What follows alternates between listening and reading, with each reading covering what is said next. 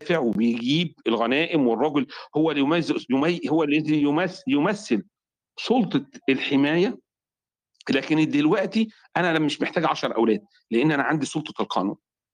أنا النهارده لا أتميز عن المرأة لأن صفتي وصفة المرأة كل منا مواطن يتساوى أمام القانون. يبقى في هنا في طرح وتصورات اجتماعية مختلفة. نعم في تصورات اجتماعية مختلفة. أمال المشكلة فين؟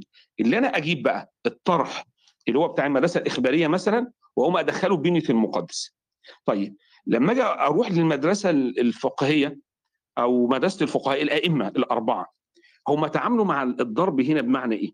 قال لك الضرب بمعنى الضرب ولكن وضعوا له ضوابط قال لك هو ضرب غير مبرح يعني ضرب لا يترك أثر وهم كملوا آية آية بتاعت آية القرآن الكريم اللي بتتكلم وتقول مثلا واضربوهن قال لك هنا بيكملوها بحديث للنبي صلى الله عليه وسلم جاء في أخرجه مسلم وقال إن هو إيه؟ فاضربوهن إيه؟ ضربا غير مبرح. يعني ضرب لا يترك أثر. طيب هم قالوا يعني استقروا إن الضرب ده إيه؟ أنا حابب إن أنا أقول الطرح زي ما هو. لأن دلوقتي بقوش يجيبوا سيرته خالص يعني خطاب الدين أحيانا دلوقتي ما بيقدرش يجيب المفاهيم دي. مش وده برضو مش حالة صح. يعني فكرة ان أنا أسكت أو أخفي لأ أنا لازم أقول ده وأواجهه وأناقشه. أو أقول إن ده طرح زمني نتجاوزه.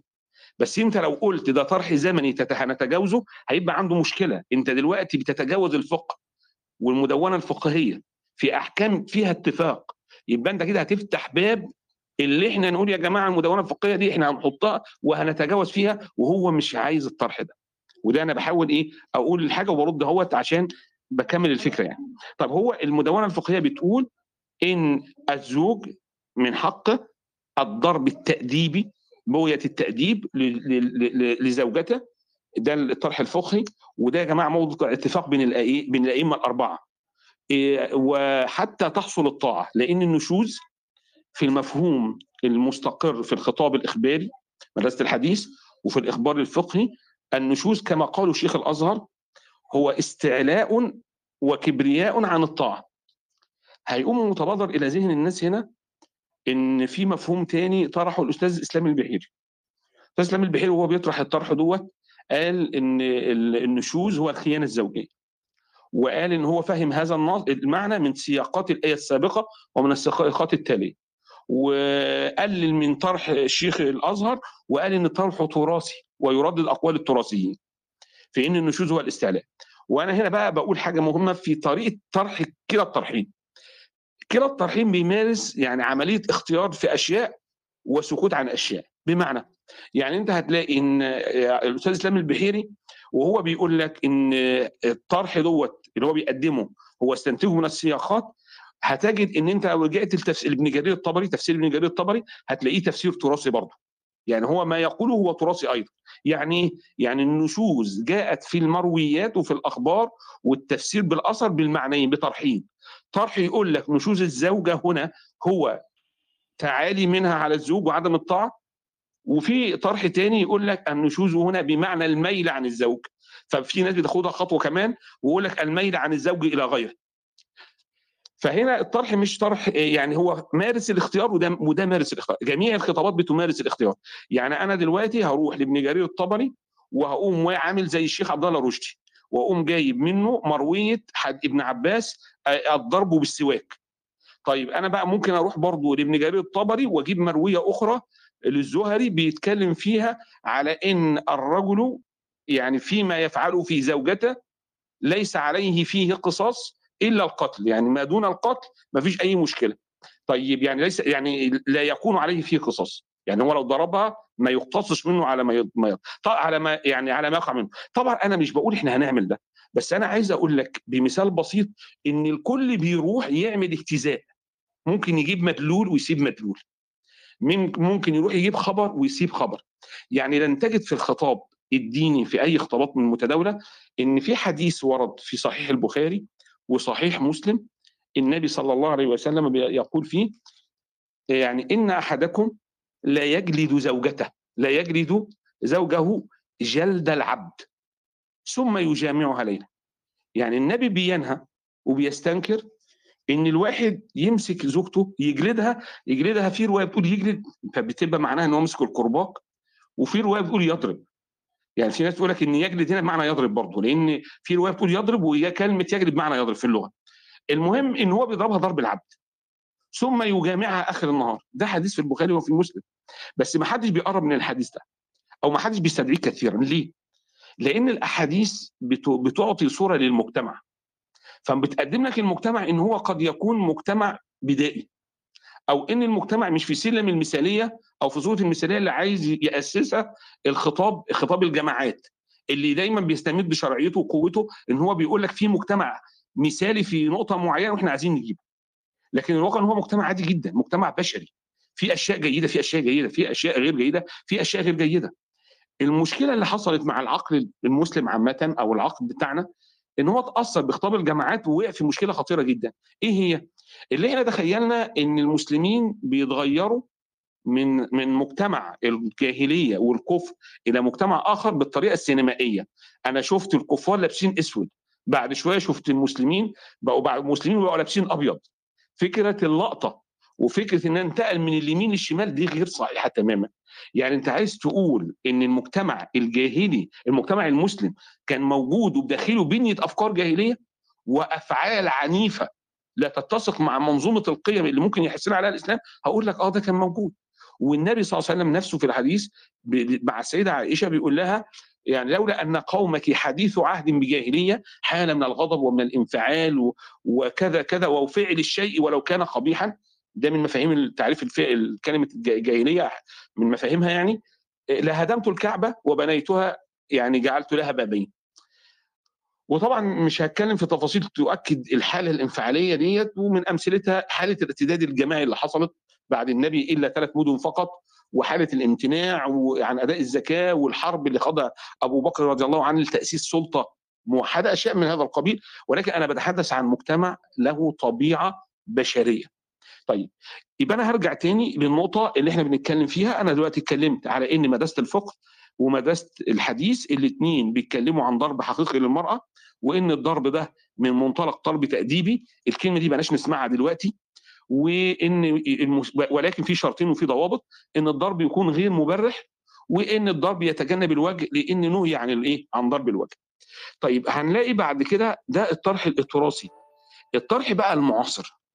أنا دلوقتي على فكرة المسؤول عن الخطاب الديني بيسمع أصوات الدكتورة هالة والدكتوره إيمان والدكتوره نوها ومريم كل الناس والدكتوره جان كل الناس وبلا وملك كل الناس اللي موجودة دلوقتي. فبيلاقي نفسه هو في نقطة تانية خالص. إحنا النهارده بنتكلم عن إن الضرب ده مجرم.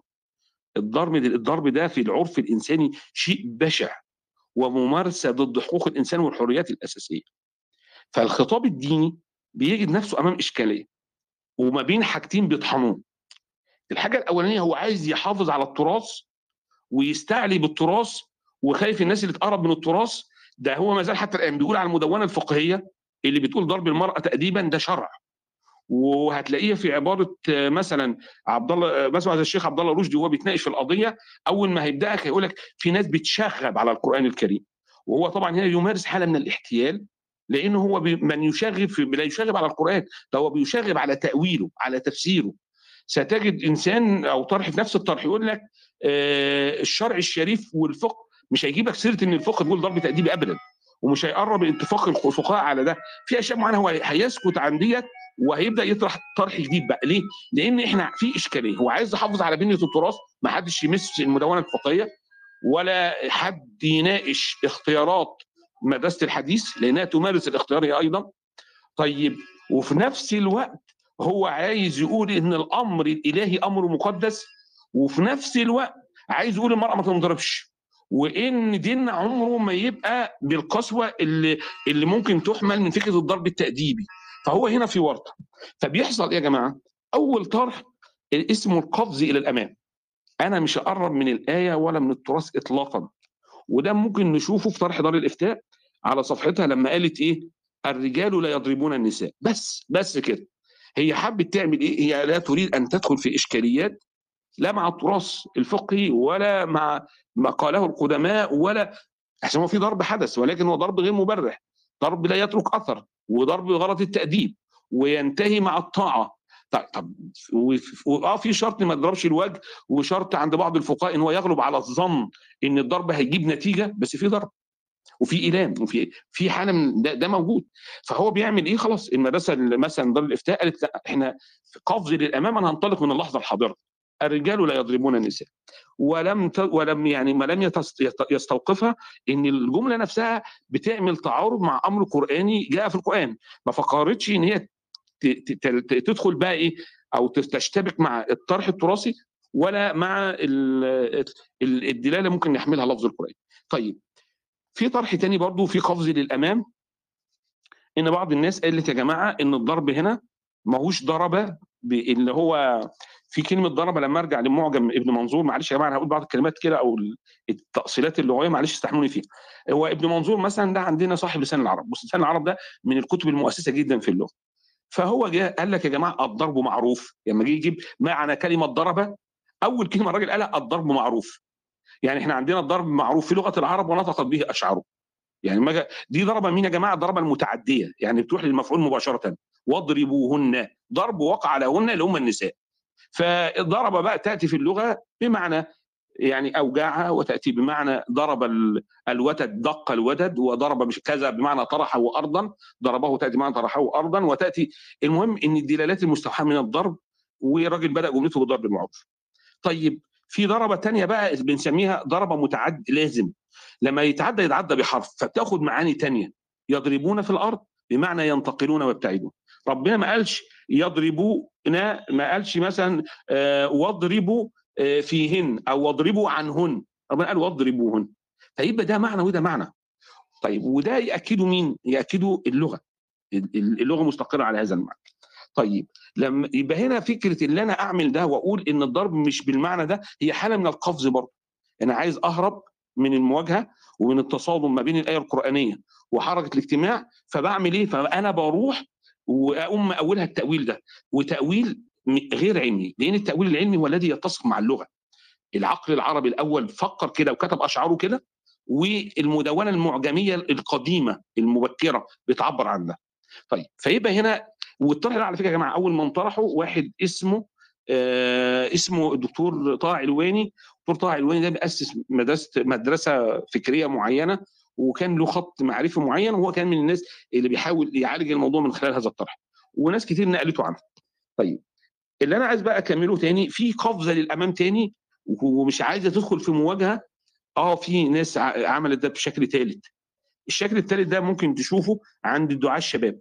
يعني مثلا تلاقي داعيه شاب زي الأستاذ مصطفى حسني هيعمل حاجة عن ضرب الزوجة لن يقترب من الآية تماما ولا من التراث الفقهي ولكن ولا من المدرسة الإخبارية. ولكن هيروح عند الإحصائيات والدراسات الاجتماعية وهيقول لك يا جماعة ضرب الزوجة ده ظلم وفي مشكلة كبيرة جدا إن هو هيعمل حالة من العنف عند الأجيال والأم لو حامل الجنين هيفقد كثيرا إيه؟ من وزنه فبيقوم هنا إيه؟ أنا النهارده بتتعمل إزاي بقى؟ أنا النهارده بوجه خطابي أنا عارف جمهوري إيه؟ ذوقه إيه؟ فكرة إن عارفين الداعية قريب من الفنان. الفنان ده واخد شكل معين وجمهوره نوع معين. الداعيه جمهوره له معين وعايز ذوق معين.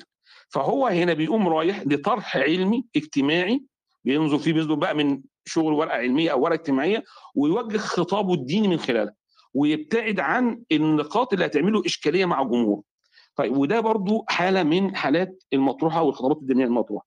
طيب في محاولة طبعا ثانية وهي الأساسية اللي عملت جدل الفترة الأخيرة اللي هي قام بها فضيلة الإمام الشيخ أحمد الطيب. دكتور أحمد الطيب خرج وقال إحنا أمام مباح مقيد. ده مباح بس مؤيد مقيد. أو اعتبروه استثناء من أصل ممنوع. الضرب ممنوع بس الآية بتعمل له استثناء. وهتعمل له استثناء في حالة زوجة لا تطيع عشان يتم كسر كبرياء. هو الدكتور أحمد الطيب في حواره قال حاجتين أو حاجات تحس إن هي ضد بعض شوية. مع كل التقدير طبعا. هو اتكلم بوجع جدا ومتسق مع الواقع لما قال أتمنى اللي أنا وأنا عايش أشوف ضرب المرأة مجرد وخلى الفهم حكم على الفقه. وميز ما بين حاجة اسمها فقه صحيح يعني فهم صحيح وفقه غير صحيح. وهنا يمكن دي نقلة كويسة إن هو بيميز ما بين طرحين في تراثنا. وبيقول لك إن الإنسانية تمنع الضرب. يبقى والإسلام يمنع الضرب. بما إن الإسلام متسق مع الانسانيه بس رجع تاني وهو في نفس الحوار آه، الشيخ بدأ يتكلم على فكرة التأديب وإن ده بيعمل ما قالش كلمة التأديب هو قال هو حب ضرب أمثلة أخرى فيها معنى التأديب بس ما ضربوش في مثال الزوجة.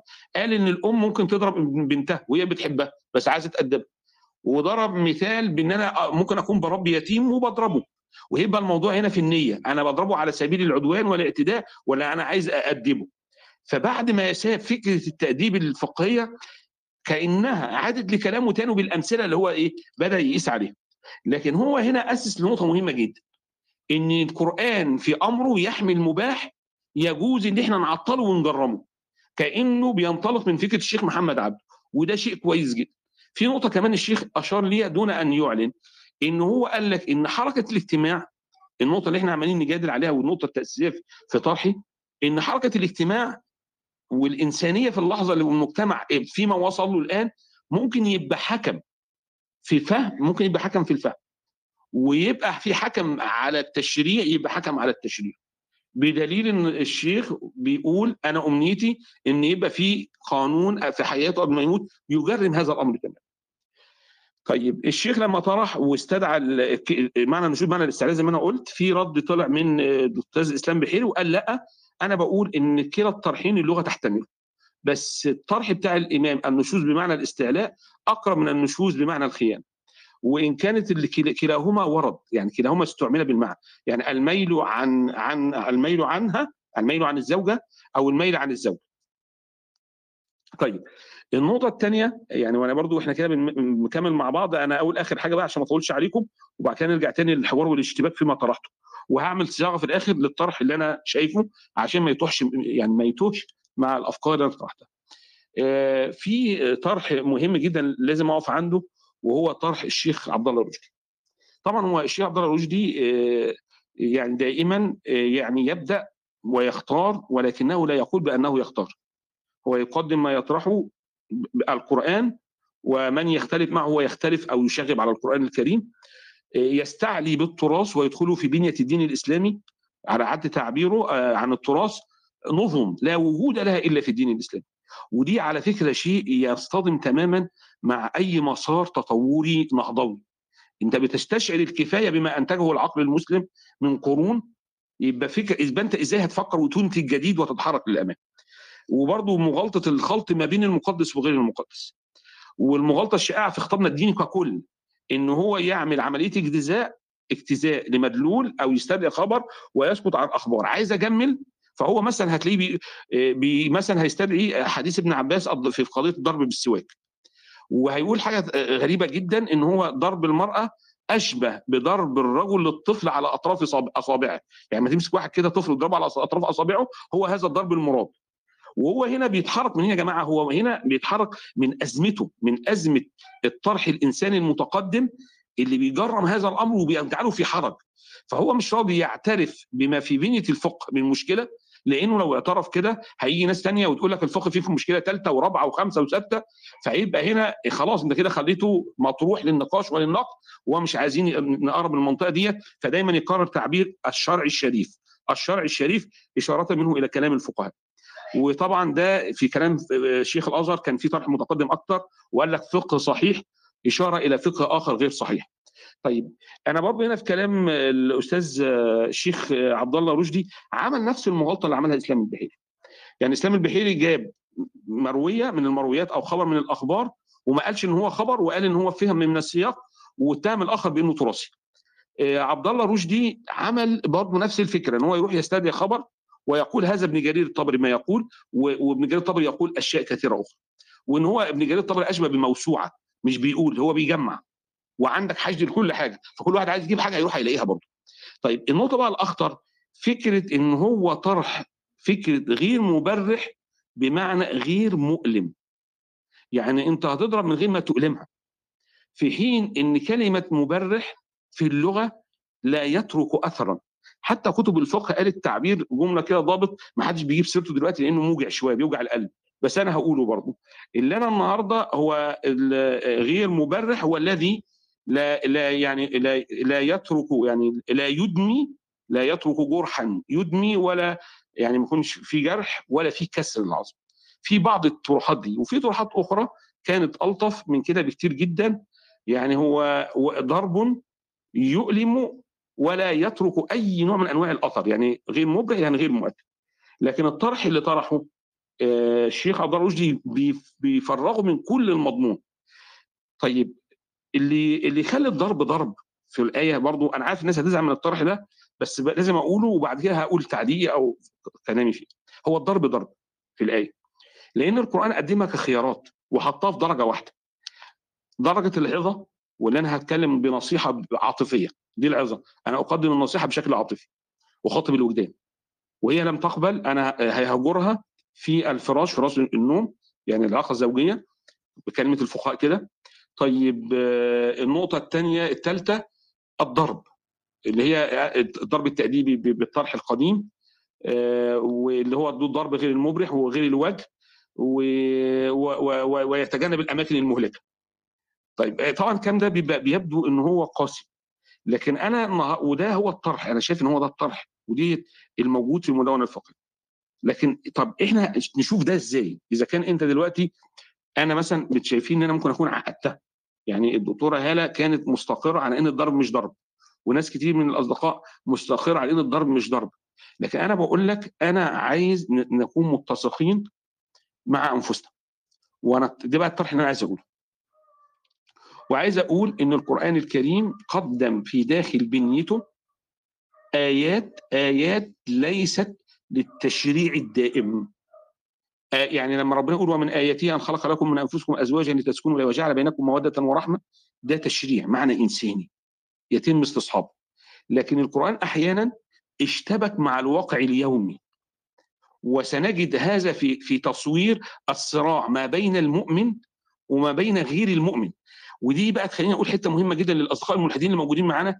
غير المؤمن في القرآن يختلف عن غير المؤمن في هذا القرن وفي هذه اللحظة التاريخية. والكتابي والمشرك في القرآن يختلف عن المشرك والكتابي في هذه اللحظة التاريخية. يعني المشرك وأهل الذمة واليهودي أو المسيحي اللي أنا هاخد منه الجزية عن يد وهم صاغرون وهم أذلاء ليس هو جاري وصديقي المواطن اللي زي زيه اللي يجمعنا قانون واحد ومواطنة واحدة. وهي دي النقطة النقلة. وأنا بجيب آية الضرب عشان أأكد على النقلة دي.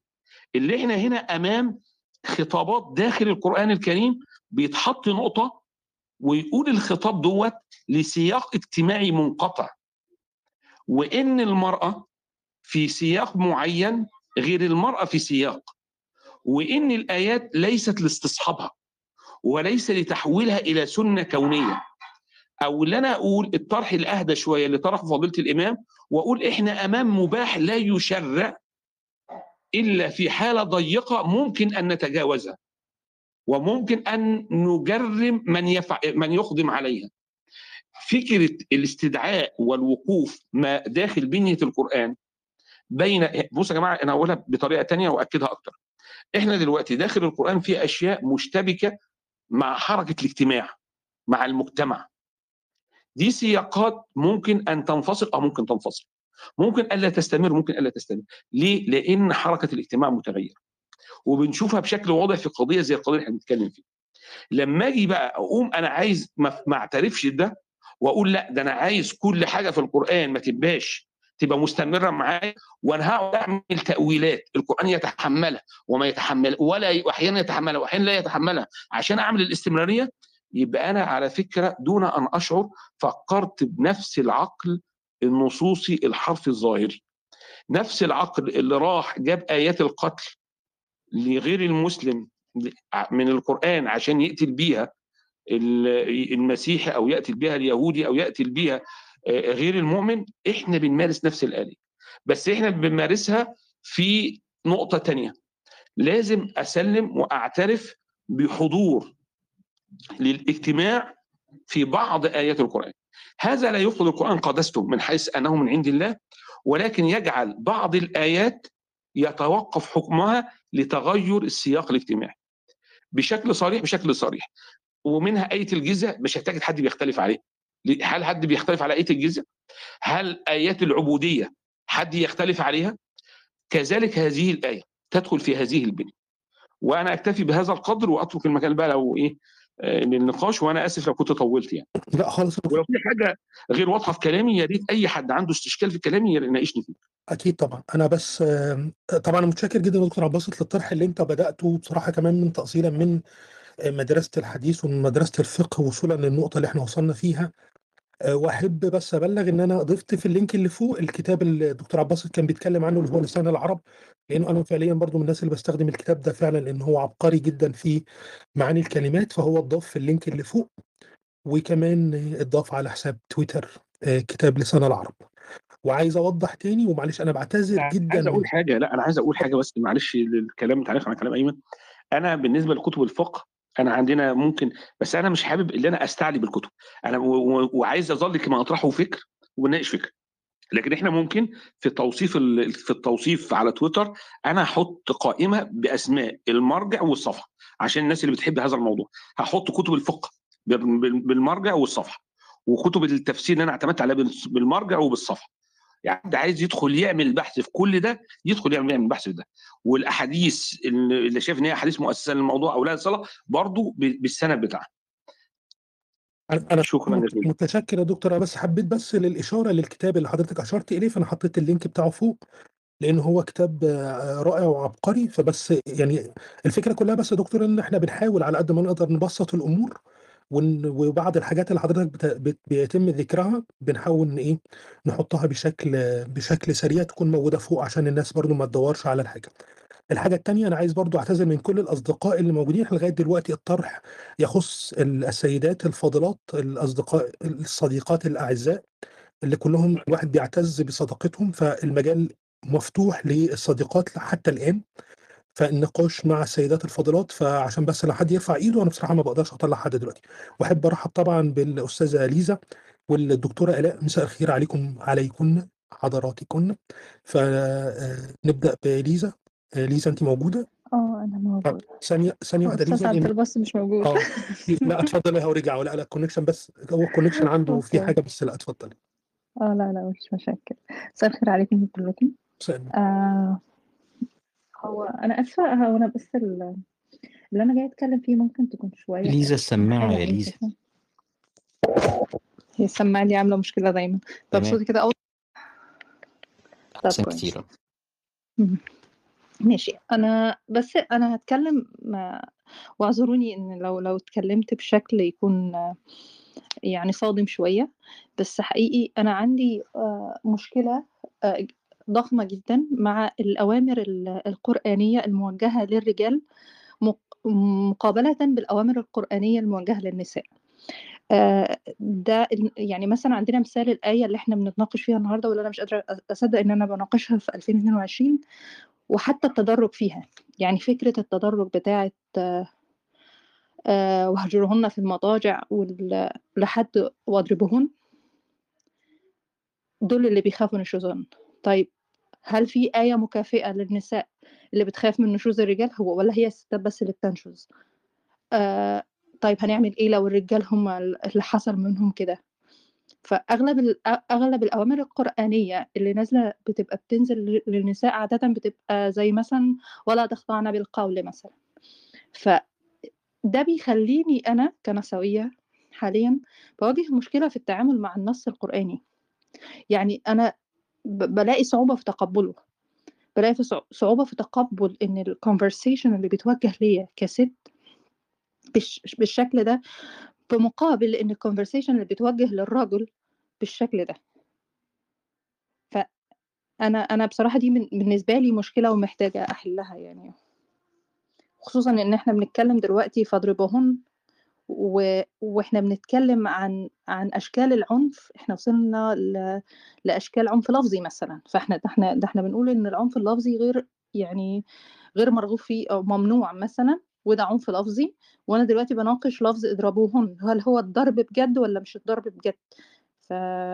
فهل هل العقل البشري قادر إن هو يدف- يعني إحنا مطلوب مننا إن إحنا ناخد السبiritual سايد من القرآن وإن إحنا نبدأ نطور ال- ال- التشريعات الخاصة بالتعاملات ال ال اليومية أو التعاملات الإنسانية إحنا لل لفهمنا وللواقع اللي إحنا عايشين فيه بعيدا عن عن الحاجات اللي إحنا قريناها في الآيات ولا المفروض نعمل إيه؟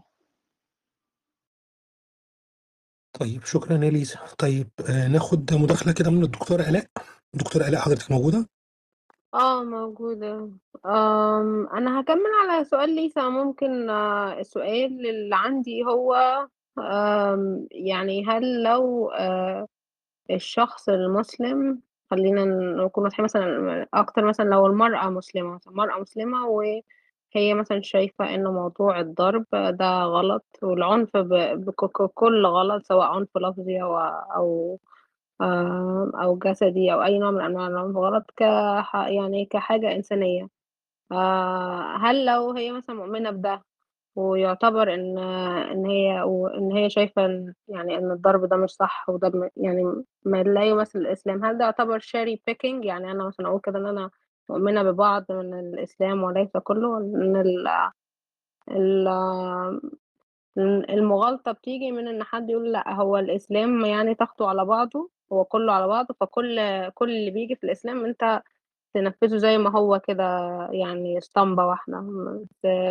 بس إحنا خلاص بعد يعني السنين دي كلها بقينا عارفين إن في حاجات آه ينفع تت- تتعمل وفي حاجات ما ينفعش تتعمل والأساسيات هي الحاجة اللي أنت بتبص عليها عشان تبقى عارف آه، يعني في حاجة يعني زي عندنا في العلم إن في قاعدة بتنفي القاعدة اللي بعدها. يعني مثلا لو أنا هاخد قرار مثلا في آه، علاج عيان ببص على ال risk وال benefits الميزات والعيوب وخلاص ولو الميزات أكبر من العيوب باخد القرار اللي فيه الميزات.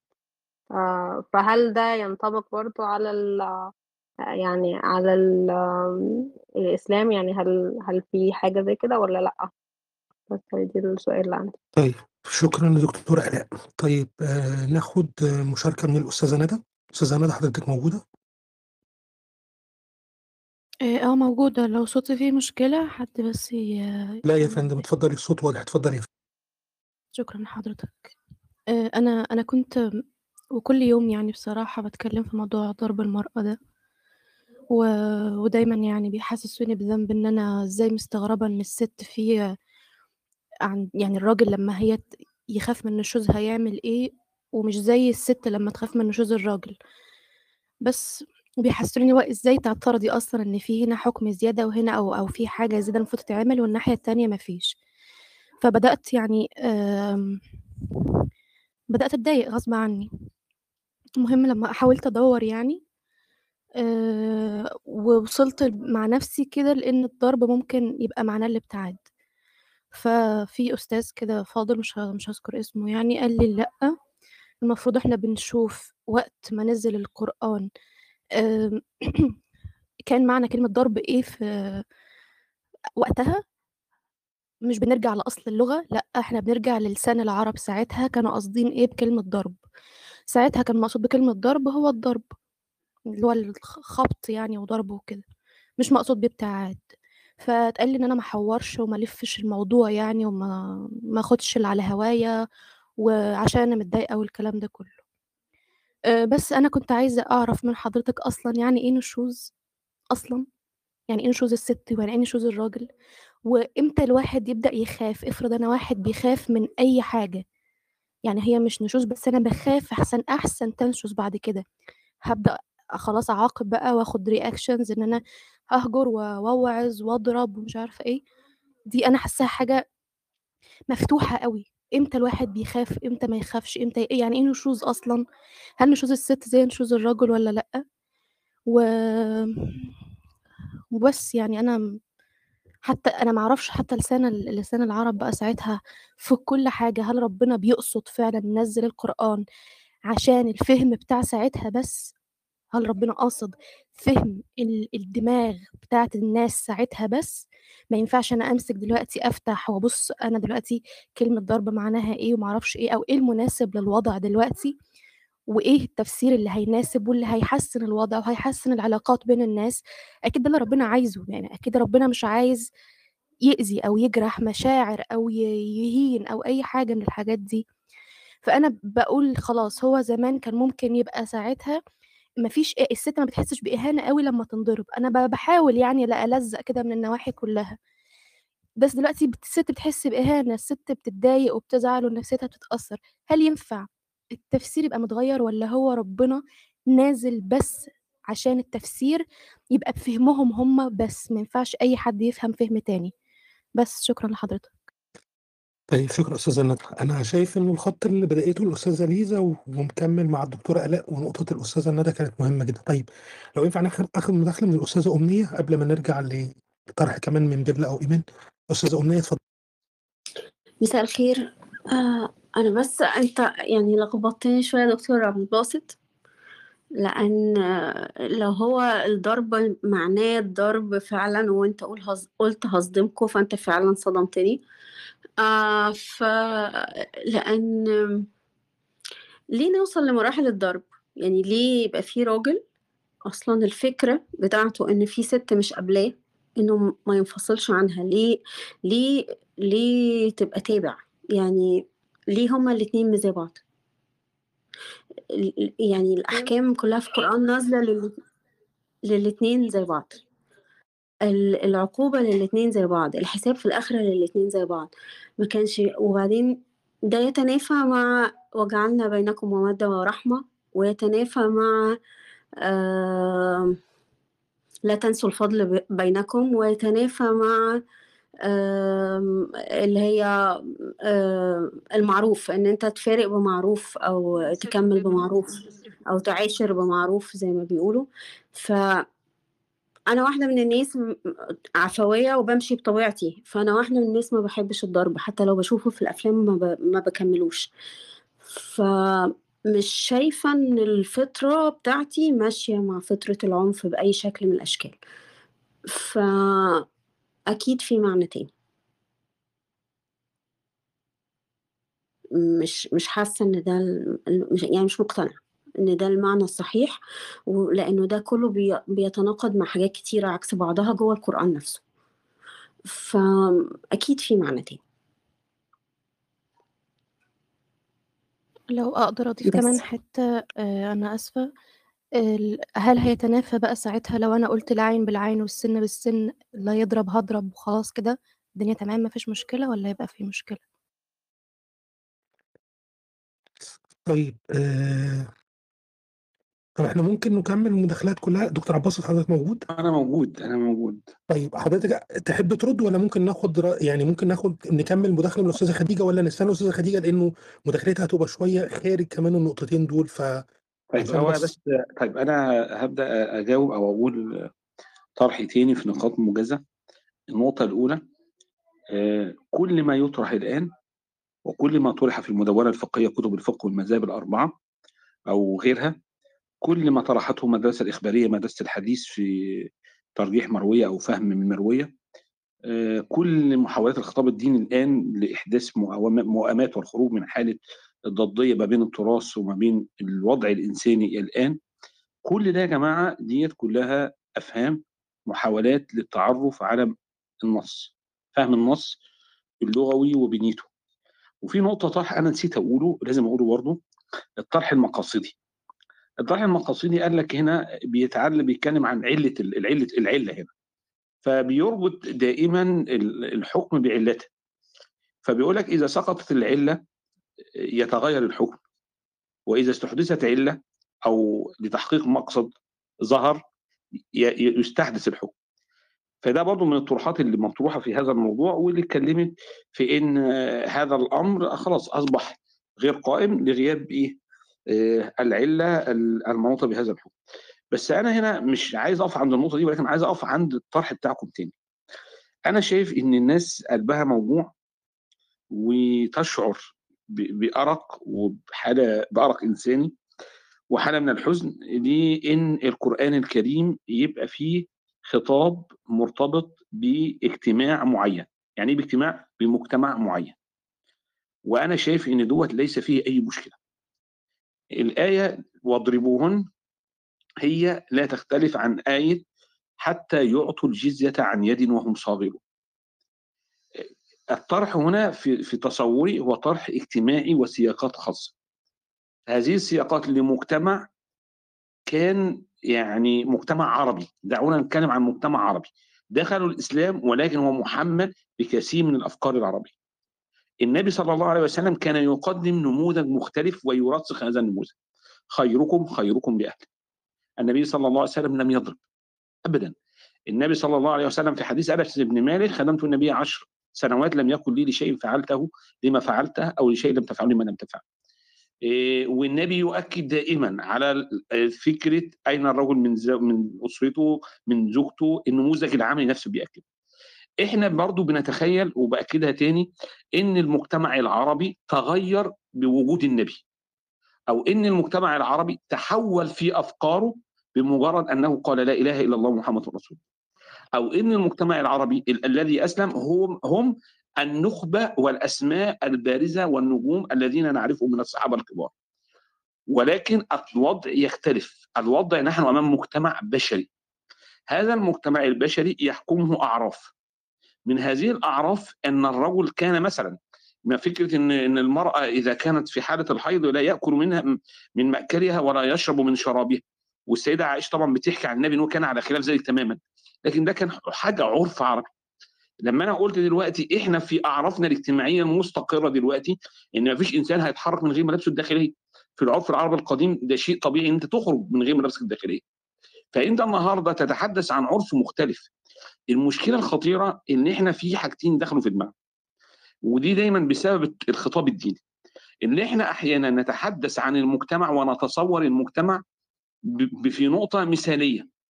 فبيتخيل إن مجتمعنا إن النقطة المثالية هناك وإن الطرح الإنساني المتراكم مش هو اللي هيقودنا لممارسات أعلى وأفضل.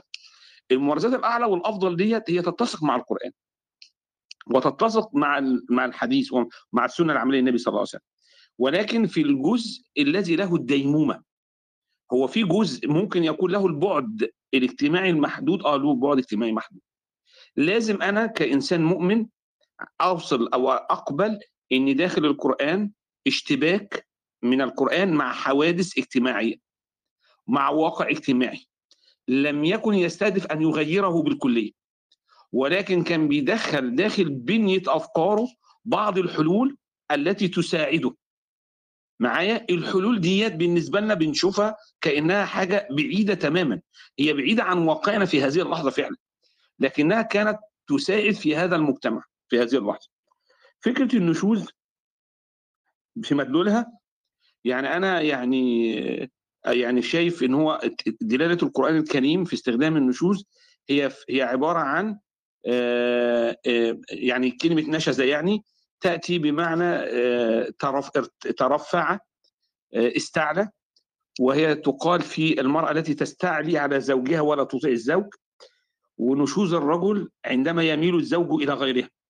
ولذلك من دلالات النشوز أصلا أو من مفاهيمها أيضا بالنسبة للمرأة ميل الزوجة إلى غيرها وده تناول أحد الباحثين كما أشرت وحب يستدل به ولكن في بنية الفقه وخطاب الفقه والمصطلح الفقهي والمصطلح في المدرسة الإخبارية الكل بيستدعي المفهوم النشوز بمعنى الاستعلاء الزوجة عن أن تطيع زوجها. وطرحهم متسق مع طبيعة اللغة. يعني أنا لو رجعت للغة العرب في أشعارهم ودواوينهم هنجد مادة النشاز نشز بمعنى ارتفع وصعد إلى ربوة وتميز عن غيره هتلاقي البنية دي متسقة مع هذا المعنى. طيب فكرة ان أنا النهارده آه، الم- المنظومة العلاقة الاجتماعية تغيرت تماما تغيرت تماما. هل ده يقلل من قيمة الطرح القرآني أو يفضح اطلاقا؟ لأن داخل بنية القرآن هو نفسها كما قالت يعني إحدى الصديقات دلوقتي الآن طب بتقول إحنا فين من آيات المودة والرحمة وآيات المعروف؟ المودة والرحمة والمعروف هي آيات ومعاني إنسانية وخطاب مستمر. هناك سياقات في القرآن الكريم سياقات اجتماعية تتوقف. هذه السياقات تتوقف في التطبيق وفي الاستدعاء وتظل مقدسة من حيث أنها من عند الله. هذا لا يؤثر ولا يقدح في القرآن الكريم ولكن القرآن الكريم حكم بعضه على بعض. وتطبيق النبي صلى الله عليه وسلم يؤكد هذا المعنى. الفكرة اللي إحنا لابد أن نتقبل هذا الأمر وما أعملش تأويلية غريبة على القرآن. يعني أنا النهارده عشان أقول معلش بالذوق أو بالعافية إن الضرب هنا مش الضرب يعني فأنا بحمله هنا بتعامل بمنهجية غير علمية أو كأني بعمل تأويل بناء على موقف مسبق. فده غير متسق. لكن أنا النهارده لما أتعامل مع ده بإنه سياق اجتماعي منقطع يتحمله النص يتحمله النص. النص هنا بمعنى النص اللغوي بنيه القواعد اللغوية مش النص قطع الدلاله قطع الثبوت يعني. طيب هو قطع الثبوت طبعا لكن قطعية الدلاله واحتمالات سياقتها دي موضوع آخر. طيب فكرة النظره الدونيه للمرأة. وأنا برضو عايز أقول هنا نقطة. في المجتمع السابق والمجتمع الأول كانت الرجل أعلى درجة من المرأة كان أعلى درجة من المرأة. هذه السياقات الاجتماعية المشكلة اللي حصلت بقى في خطابنا الديني إن هو خد ده وأدخله في بنية المقدس. لو إحنا بنقول إن دوت فقه فقه معنى فقه كده وطرح لمجتهد أصاب في قضايا وأخطأ في قضايا تأثر ببيئته في قضايا تأثر بأزمنته في قضايا ده هيخلينا نبقى في نقطة أفضل. يعني أنا ده مش في بنية المقدس ده فكر.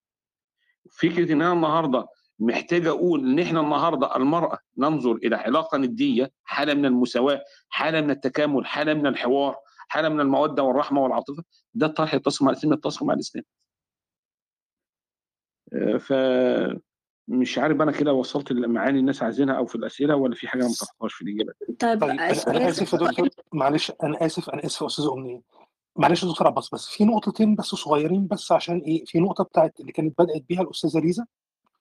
و وأعتقد النقطة اللي كملت عليها الأستاذة ندى فلو ينفع بس لو لو في اختصار شوية لأن هم دول شوية نقطتين كانوا مهمين. أنا أنا طبعا شايف إن حضرتك بس يعني اللي هم إيه اللي هم إيه بس معلش لو هم أنا ما قلتهمش طيب معلش.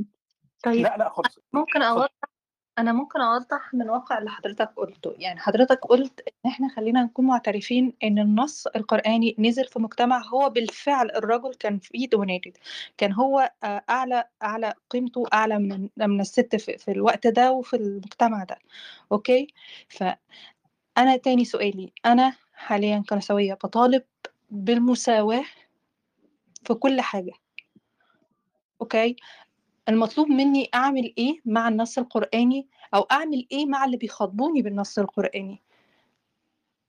المطلوب مني أوضح لهم إن ده it's my job now أو ده ده دوري دلوقتي إن أنا أقول إن إحنا ممكن نميل إن إحنا نحط قوانين تانية وتشريعات تانية عشان تحافظ للست على مكانتها الاجتماعية اللي هي وصلت لها دلوقتي وإن إحنا دلوقتي ال- ال- ال- الدنيا بحالها وصلت لمواثيق حقوق معينة. المفروض إن إحنا نتبعها وشوية نخلي التشريعات القرآنية اللي كانت نازلة في أزمنة أخرى ديت آه على جنب هل لو قلت ده هل ده ممكن يتم تقبله مجتمعيا؟ طيب هو إحنا ده كلام صريح وم- ومباشر ويحتاج إلى رد مباشر أنا دلوقتي عندما أتحدث عن مجتمع عربي مجتمع عربي أول كانت فيه القوة للعصبة والعصبية القبلية. يعني أنا معايا مين وعيلتي إيه؟ كان حاضر حتى بعد وفاة النبي صلى الله عليه وسلم. وفي قضية حسم قضية الخلافة لابد أن تكون في بني في قريش لأن العرب تسلم لهذه القبيلة ولسيادة هذه القبيلة دون غيرها من القبائل لأسباب. وفكرة العصبية الحاضرة في بنية الفكر موجودة. لما أنا أحول ده لمقدس هذا هو الخطأ. طيب النهارده لما أتحدث عن رجل يعيش في مجتمع أول له قوة عضلية قاد- قادرة على الصيد وعلى الدفاع وعلى الخروج في المعارك وكذا وكذا وكذا تجعله متقدم على المرأة هذا موجود هذا له وجود. إنما أتحدث الآن عن مجتمع مفارق حركة اجتماع مغايرة لابد أن أعترف وأن أسلم بهذا. نحن الآن ننطلق من من واقع اجتماعي يجعل المرأة والرجل كل منهم مواطن من يقوم بحمايته؟ ليس عضلات الرجل وليس عدد الأبناء في الصورة اللي أنا قلتها مرة وأعيدها تاني. النبي صلى الله عليه وسلم دخل مكة في حماية أبناء مطعم بن عدي. رمز للقوة. أولادك رمز للقوة. عبد المطلب جد النبي يحصل على قوة وسيادة في جزء مهم جدا أنه كان يدعو بأن يكون عنده الولد الأولاد. فهذه نقطة مهمة جدا. هذه النقطة لها وجود الآن لا وجود له. نحن الآن نتحدث عن قوة اسمها القانون. نحن نتحدث عن مساواة انطلاقا من مبدأ المواطنة. هيخلي جاري المسيحي وجاري اليهودي وجاري اللاديني كلنا أمام القانون مواطنين سواء. طيب هذا الطرح يتناقض مع طرح مجتمعي مسبق طب- طرح اجتماعي سابق. هيبقى في طرح اجتماعي مختلف في تصورات مختلفة في تصورات مختلفة. طيب إحنا عشان نطرح ده بالطرح اللي حضرتك بتقوليه ده لازم أسلم أنا أسلم بداية في الخطاب الديني بتاعي اللي أنا أطرحه. إن أنا عندي داخل القرآن الكريم خطابات لأن هو القرآن عبارة عن مجموعة خطابات فاكثره في خطاب مرتبط بمجتمع هذا المجتمع أصبح لا وجود له. كلمة أصبح لا وجود له بعبارة الدكتور عبد الله النجار أستاذ الشريعة في جامعة الأزهر.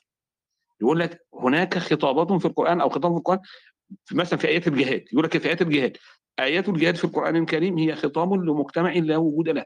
فكرة الصراع الأول. مسلم ومسيحي ومش وأهل مكة أو مش مسلم ويهود في في مدينة آه، في صراعات هو بيعتبرها الصراعات الأولى. حط نقطة وانتهى هذا الصراع. فده طرح موجود طرح موجود. هذا الطرح محتاجين اللي هو الطرح اللي بيقول إن فيه سياقات نضع نقطة ونقول السياق منتهي وفي سياقات ممتدة.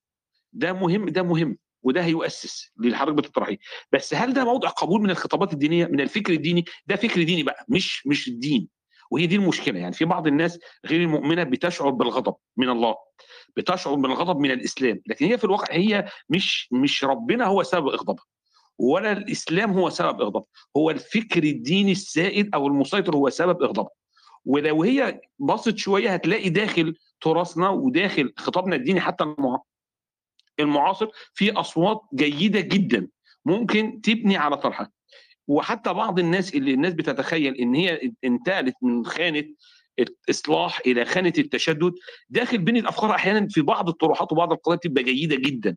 يعني حتى واحد زي رشيد رضا بعض الناس تقول لك إن هو بقاش زي أستاذه محمد عبده واختلف عنه. من رشيد رضا من أول الناس اللي اتكلمت على إن لا يصلح أن تطلق على المسلم إن المسلم يط- يطلق على اليهودي أو المسيحي آه، تعبير آه، كافر.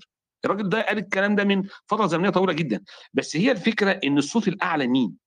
الخطاب المنتشر إيه؟ خطاب الكراهية التحريض التمايز إيه؟ إن هو بيدمج الفكر الديني في بنية المقدس إن هو بيجعل الفقه زيه زي الوحي المقدس. دي إشكاليات كبيرة. فهي إشكاليات في فكرنا الديني. فأنا شايف إن حضرتك عندك إشكالية فعلا مع الفكر الديني.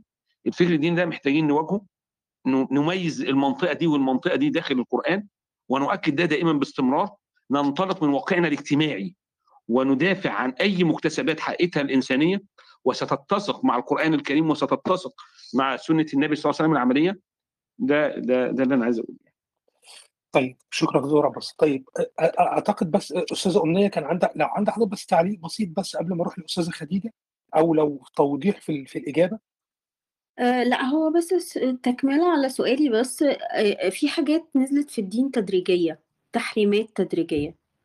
آه وفي حاجات نزلت بصفة المكروه مش مش تحريم قاطع. آه فهل آه واقعة الضرب دي ما كانش مثلا فيها تدريج؟ إن كان وقتها كان حدث حصل فنزل فيها الأمر ده وبعد كده وصلنا لحاجات تانية ما فيهاش آه، نقدر بيها نتجاهل موضوع الضرب؟ طيب خليني قبل بس ما دكتور عباس يرد أوضح بس لكل الأصدقاء اللي بيحاولوا يرفعوا إيديهم معلش يا جماعة إحنا فعليا بناخد بس مشاركات نسائية لأنه الموضوع آه، يخص السيدات فما بناخدش أي مشاركات من السادة الذكور وأنا بعتذر عن ده بس ال- ال- المجال نفسه يخص السيدات. فطيب دكتور عباس حضرتك توضح النقطة دي الاستاذه أمنية ولا ناخد مداخلة من الأستاذة خديجة؟ طب أنا بس كنت معلش عايز أسمع النقطة تاني؟ اتفضلي يا دكتور اتفضلي. في أمور في الدين آه، نزلت تدريجية تحريمها نزل تدريجي وفي منها التدريج ل- لدرجة المكروه.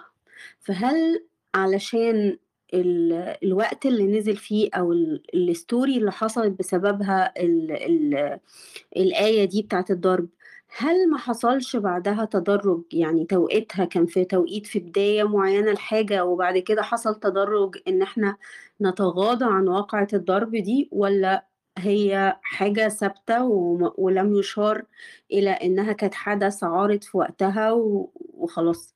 يعني هل الstory بتاعة حضرتك دي أو استنتاجك للمعنى ده كان آآ من قصص والّا ده فهمك للنص نفسه؟ طيب هو بس أنا عايز أقول هاقول لحضرتك حاجة، أول حاجة إحنا عندنا في حديث للنبي صلى الله عليه وسلم أخرجه البخاري ومسلم: "لا يجلد أحدكم امرأته جلد العبد، ثم يجامعها في آخر اليوم." يعني إحنا عندنا صورة وهنا برضه ده رَد على الأستاذة إيمان في فكرة إن هي بتقول إن ده لم يكن، موضوع ضرب المرأة غير موجود. أنا أحاديث والأخبار المُرسلة للنبي صلى الله عليه وسلم ليها بُعد مهم جدًا وهي بتعطيني صورة عن طبيعة المجتمع.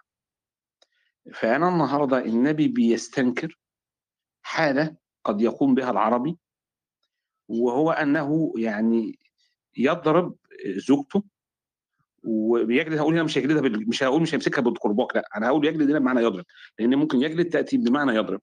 وفي في الحديث نفسه في أخبار أخرى بألفاظ أخرى يضرب. طب أنا أمّا آجي أقول النهارده إن هو يضرب وأحدكم ضرب العبد يعني بهذه الصورة، فالنبي بيستنكر ده وبيقول له ده يعني إزاي بتعمل كده معاه وأنت في آخر اليوم هتنام هتكون جنبها على على السرير الواحد يعني. فإحنا النهارده دي بتدّيني لقطة من طبيعة المجتمع. النبي لمّا يأكد على قضية آآ الخيرية أنت عشان تبقى كويس مش تبقى كويس قدّام الناس، تبقى كويس في بيتك، خيركم خيركم لأهله وأنا خيركم لأهلي. فكرة إن القرآن يؤكد على أن الرباط داخل الأسرة هو رباط عاطفي قائم على المودة والرحمة، دي كُلّه خطابات بتؤسس لمعاني دائمة. طيب النهارده نحن أمام إشكالية اجتماعية، في مشكلة بين الرجل والمرأة. بين الرجل والمرأة من 1400 سنة تقريبًا. فال في عُرف قبلي بيتعامل مع هذا الأمر، في عُرف قبلي بيتعامل مع هذا الأمر. القرآن بيشتبك مع هذا العُرف، وبيقدّم له تصوُّر وعُرف يستطيع أن يتعامل معه في هذه اللحظة. هذا اشتباك مع المجتمع في هذه اللحظة فقط. ده اللي أنا ب عمّال أقول عايزين نأكد عليه. وهو بيشتبك مع المجتمع ال ال المسلم في هذه اللحظة التاريخية وبيقدّم له خيارات، هذه الخيارات منها منها ما يمكن استصحابه، فعظوهن ممكن يتم استصحابها. فكرة إن أنا أقدّم النصيحة بشكل فيه نوع من أنواع الحب والمودة، خطاب عاطفي مع نصيحة، ممكن نستعملها نستعملها في كل زمن، نستعملها في كل زمن. طيب لمّا آجي أقول النهارده الهجر يعني حالة من الخصام داخل المنزل في نوع من أنواع ال يعني الحل ممكن يبقى نوع من أنواع الحل. يعني إحنا ما بنكلمش بعض، بندّي فرصة إن إحنا نفكّر كذا، كذا، ده نوع من أنواع الحل. النقلة التالتة وبعد كده الرابعة بقى اللي هي آآ الضرب والنقلة الرابعة وإن خفتم شقاق بينهما فابعثوا حكمًا من أهله وحكمًا من أهلها. يعني خلاص إحنا بنوصل لمرحلة الإيه، ما قبل الطلاق وما قبل النهاية. فهو وضع هذه الآلية في مجتمع الرجل فيه له قوامة بم ب ب به بهيئة استقرت في العقل العربي زي ما أنا قُلت منذ قليل بالدفاع وبالقدرة على الكسب ما لا تستطيع تك تقوم به وكذا، وكذا، وكذا، ده موجود. فأعطى هذا. هذا أصبح لا وجود يدخل تحت فعل المباح، يعني ما بيقولش ده على سبيل التشريع المقدس قد ما إن هو بيدّيه على الفعل المباح في سياق اجتماعي. ده أنا عمّال أقوله، فعل مباح في سياق اجتماعي انتهى. يعني انتهى وتغيّر، فنحن نبحث عن حلول أخرى في سياقاتنا الاجتماعية الحديثة. طيب هل اللي أنا باقوله ده طب أنت له في طب الروايات والقصص والحاجات اللي عليها، ده أنا عندي خبر آآ مش م يعني خبر مُرسل يعني ما لا يُعتمد عليه ولكن هو موجود في بِنية الأخبار و ومُسند جابه ابن جرير الطبري في إن الرجال قوامون على النساء نزلت في بس هو الخبر ده خبر مُرسل يعني لا يُستدل به. بس البعض عشان لو حد جابه يبقى الناس عارفة. يعني الخبر ده بيقول إن الآية الرجال قوامون على النساء نزلت في امرأة كانت زوجها لطمها يعني ضربها على وجهها وذهبت للنبي وأرادت القصاص. وإن النبي صلى الله عليه وسلم يعني كان سيأتي بهذا، يعني كان هيخلّيها تقتص من زوجها. فإن الآية نزلت لتمنع هذا وتشرع لسلطة الزوج. لكن الرواية ديّة غير صحيحة، يعني الرواية ديّة منقطعة السند. ولذلك لن تجد أي كتب أو خطابات تستند إليها كثيرًا وإن وجدت في ابن جرير الطبري. أنا باقولها ليه؟ لإن بعض الخطابات السلفية ممكن بتستدعي. بس ده حاجة هامشية، حاجة قليلة جدًا. فأنا النهارده في داخل بِنية الفقه، مدونة الفقه، في داخل مدرسة الأخبار داخل آه، استدعاءات كثيرة جدا. الشيخ فضيلة الإمام الأكبر لما قال هذا حدث وهذا مباح ولكنه مقيد أو استثناء أنا شايف إن دوت طرح فيه علمية أكثر من أنا أقول إن الضرب مش ضرب. دي حاجة. الحاجة الثانية بقى كانت قالتها الدكتور عليها وأنا ما ردتش عليها اللي هي فكرة آه، إن أنا النهارده يبقى إحنا كده بنؤمن ببعض الايات ونكفر ببعض وهيقولوا كده أقول لك لا ده غير صحيح. هو ربنا لما بيقول وكاتبوهم إن علمتم فيهم إن علمتم فيهم خير يتحدث عن إيه خاصة بالعبد وإن إحنا نكاتبه ويبقى بينه وبينه مكاتبة. ده أمر على سبيل الإباحة والعبد غير موجود والمكاتبة غير موجودة فالأمر ليس له تحقيق مش هحققه هنا دلوقتي. العلاقة بين الزوج والزوجة أخذت بعد آخر قائمة على المشاركة وليست على القوامة. دي وعلى فكرة دي نقطة مهمة جدا. فكرة إن أنا النهارده الضرب علميا ونفسيا واجتماعيا وانسانيا من خلال التراكم الخبرة أثبت أنه مشكلة وليس حل اطلاقا. اطلاقا. فأنا النهارده بقول إن هذا لا يتسق مع كحل خلاص لا يتسق مع كحل. وبمنتهى الأريحية يعني أنا وبمنتهى الأريحية. فهنا ما فيش فكرة إن أنا آمنت ببعض الايات وكفرت ببعض وإلا بقى يبقى أنا النهارده لازم أروح آخد الجزية من المواطن المسيحي أو اليهودي أو الكذا وأقول أنا لازم أنفذ أمر ربنا. وده بيطرح فعليا في العقل التكفيري. وهو يرى إن هو خلاص هو المؤمن فسطاط وما غير المؤمن هو في صراع معاه. ويعني ب- بشكل معين. بس ده اللي أنا عايز أقوله. لو في حاجة بقى أنا ما قلتهاش أو في أسئلة. شكراً. دكتور؟ طب ممكن ثواني يا أستاذ إيمان أنا آسف بعتذر من حضرتك طيب خلينا بس عشان إحنا وصلنا لنقطة مهمة جدا وأنا حابب بس أنوه لكل ال- السيدات الأصدقاء اللي موجودين في على ال panel وموجودين تحت في ال room. إحنا يوم الاربع في أنت الآخر عند الآخرين هنعمل عاملين room عن العنف الاسري عن العنف الأسري ضد المرأة وهنناقشه من تعريف العنف الأسري ضد المرأة وكمان هنتكلم عن أشكال العنف الأسري ضد المرأة الأشكال كلها وكمان هنتكلم على صور العنف الأسري ضد المرأة وهنتكلم عن الآثار الناجمة عن عن العنف الأسري ضد المرأة وهنتكلم كمان عن الآثار ال- النفسية وال- والبدنية و- وكمان ال- ال- اللي بتأثر كمان على الناحية الجنسية في كل الأشكال عشان نعرف قد إيه إنه موضوع فعليا الضرب ده مؤذي للمرأة حتى لو تم استخدامه من الناحية الأسرية في في في ال- في المراحل الصغيرة وكمان في بعد كده. فالفكرة نفسها فكرة العنف عشان بس نؤصل إنه هو مرفوض وهو مجرم وآثاره كمان كارثية على ال على ال على ال على ال على المرأة. حبيت بس أنوه على التنويه ده قبل بس ما هستأذنك تا- معلش ايمان أنا آسف بس ممكن بس آخد بس مداخلة من خديجة وبعد كده مفيش مع الدكتور عباس بعد إذنك. متشكر جدا لذوقك. أستاذة خديجة؟ آه، أوكي. آه، ازي حضرتك يا دكتور عبد الباسط؟ آم، أنا بس معترضة على فكرة إنه حضرتك بتقول إحنا لازم نراعي السياق التاريخي أو السياق الأحداث عشان لما نيجي ننظر للقرآن أو الأحاديث ننظر لها بشكل صحيح. بالشكل ده إحنا بنفقد النص وقدسيته أصلا. يعني حضرتك لو أنت شايف إن أنا عشان أبص للنص أقول يا جماعة ده زمان جدا كان الست حالها أقل من الرجل طب ما كده يبقى ده نص عادي جاي من عند إنسان بي بيعملوا بيعملوا تبعا لقواعد المجتمع وقتها. ده ما يخلوش له قدسية على الإطلاق وإن هو جاي من إله. لأن المفروض إن هو لو جاي من إله يبقى هو ماشي وصالح لكل زمان ومكان.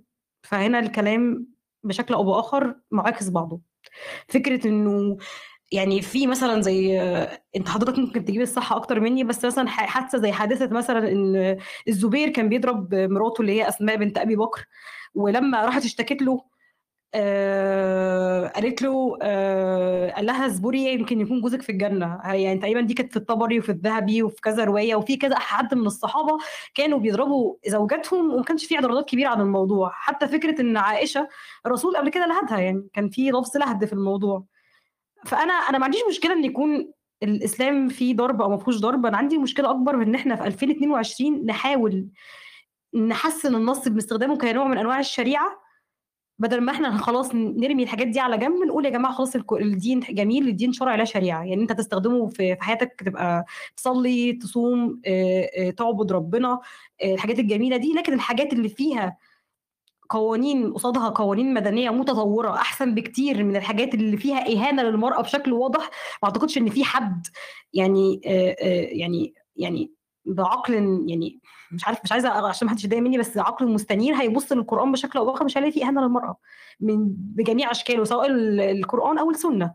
ففكرة إن أنا في 2022 لسه هقعد أدور على تبريرات يعني يعني إحنا يعني فكرة إنه في مناهج آه، زي منهج المقاصد اللي حضرتك اتكلمت عنه اللي بيحاول يبرر أو يقدم العقل على النقل بشكل أو بآخر واللي يحسن صورة الإسلام في عيون الناس جميل على عيني وراسي بس كم واحد هيقتنع بيه؟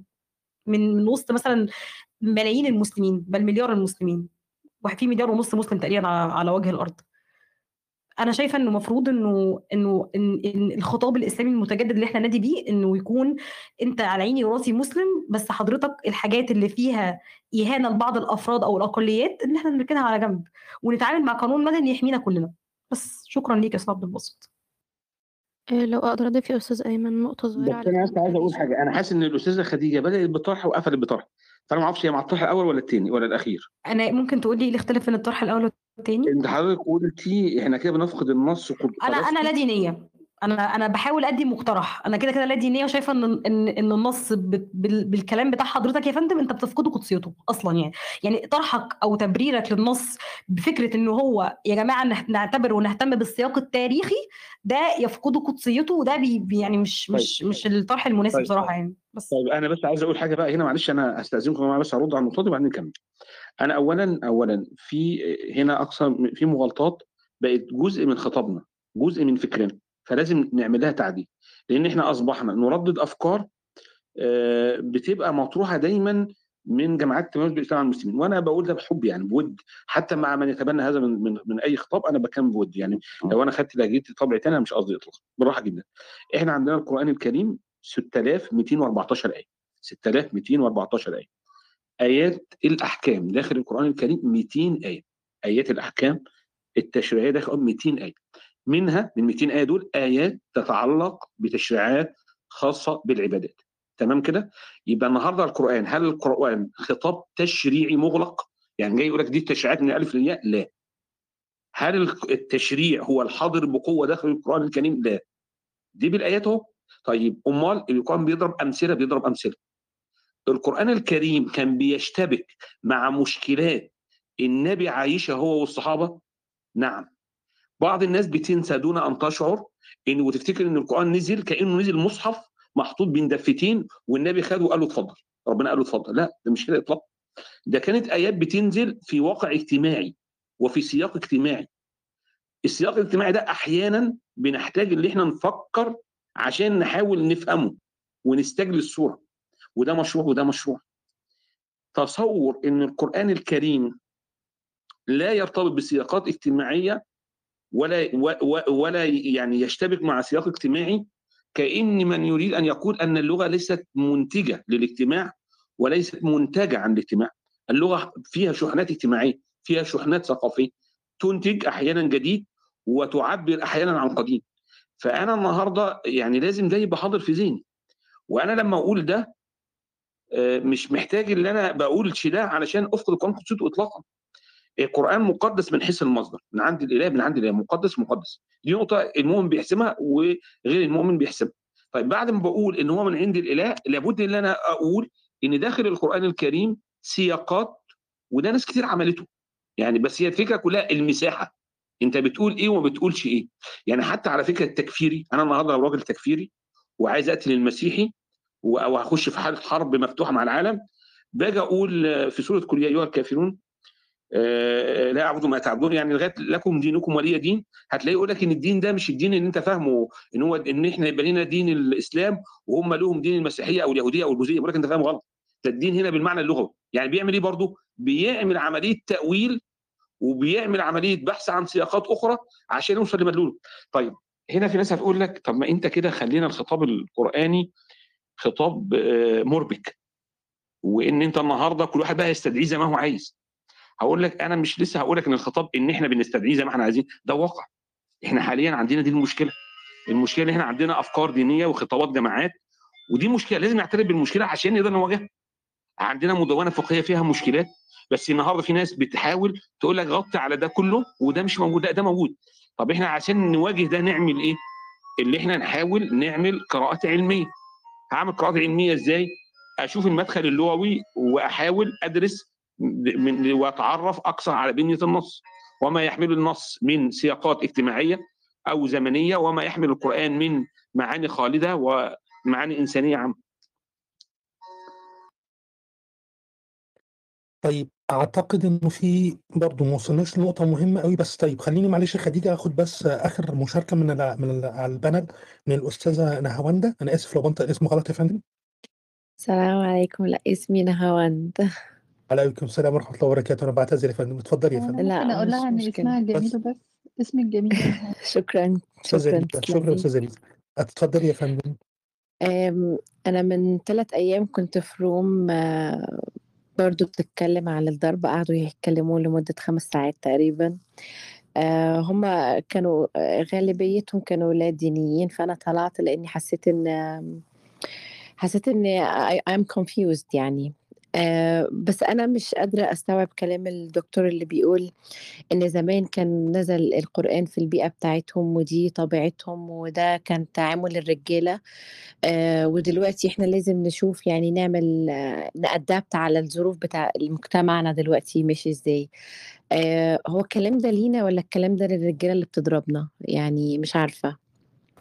آمم، أنا باحاول دايمًا avoid الconflict بس بس كمية الرجالة اللي بتضرب زوجاتهم ب على على على على أساس إن هُم مستندين للآية ديّة آآ، كتير جدًا وأنا كنت واحدة منهم. آمم، الحاجة التانية حضرتك كنت بتقول إن إحنا هنتكلم ونعمل rooms على تأثير الضرب على الستات وعلى ال الأولاد، هو إحنا ليه بنقعد نتكلم على التأثير اللي إحنا متأكدين منه ومش بنتكلم على نفسية الراجل المريض اللي بيضرب مراته أو أولاده؟ يعني ليه بنشوف ال آآ، النتايج والأعراض اللي هتحصل لمّا الراجل يسيء استخدام سلطته ومش بنتصرف في الراجل اللي بي اللي بيضرب واللي بيأذي؟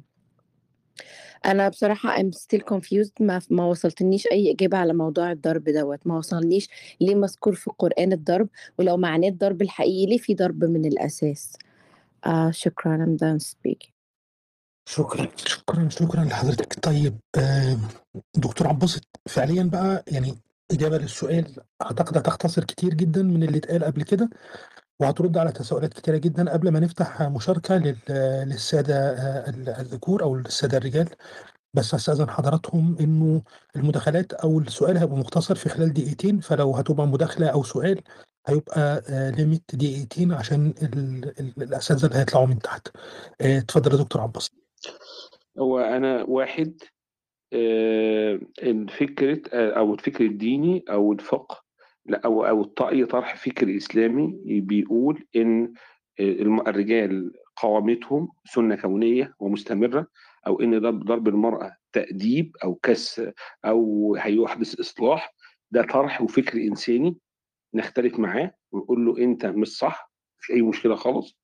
وفكرة إن أنا أقول إن دي دي نقطة، النقطة التانية مادة ضرب في القرآن الكريم بمعنى ضرب، والقرآن قالها في سياق تقديم حل ما بين الحلول العرفية الموجودة في هذا العصر، ليس لسنة وليس لفعل يستمر عبر التاريخ الإنساني، لإن الإنسانية زي ما شيخ الأزهر قال ترفض هذا الفعل، فالإسلام يرفض هذا الفعل، لأن الإسلام لا يصطدم مع الإنسانية، وإن الفهم الصحيح حكم على كل ما كُتب من فقه، وعندما الفهم يتعارض مع هذا المنتج الذي أنتجه الإنسان حول فهمه، فنقول له لأ أنت منتجك خطأ، وإحنا بنتعامل من منطلق معنى مهم جدًا الإسلام بيتسق معاه اسمه المعنى الإنساني، اللي بيحط الرجل والمرأة كإنسان في درجة واحدة، ويتسق مع مفهوم الدولة المعاصرة الآن اللي بيقول كل منهم مواطن. لابد إن أنا أتذكر جيدًا إن نحن نتحدث عن بيئة خُوطب بها آيات في القرآن الكريم تختلف عن بيئتنا، وهذه البيئة النبي صلى الله عليه وسلم وهو يشرع ويتحدث عن بنية، بناء مقدس جدًا عند المسلم في رمزيته اسمه الكعبة، إن هو لم يقترب من إنه يعيد بناؤه مراعاة إن العقل العربي في الذي يخاطب بهذه التشريعات كان في مرحلة ما زالت الجاهلية حاضرة في بنية خطابه وفي بنية أفكاره وفي حالة الانفعال والغضب وكذا وكذا وكذا، وإحنا شفناها بعد وفاة النبي بسنوات بسيطة جدًا في صراعات امتدت عبر أجيال وسطوة شديدة جدًا وأشياء وخروقات كثيرة جدًا للإسلام في منظومة قيمه ومبادئه.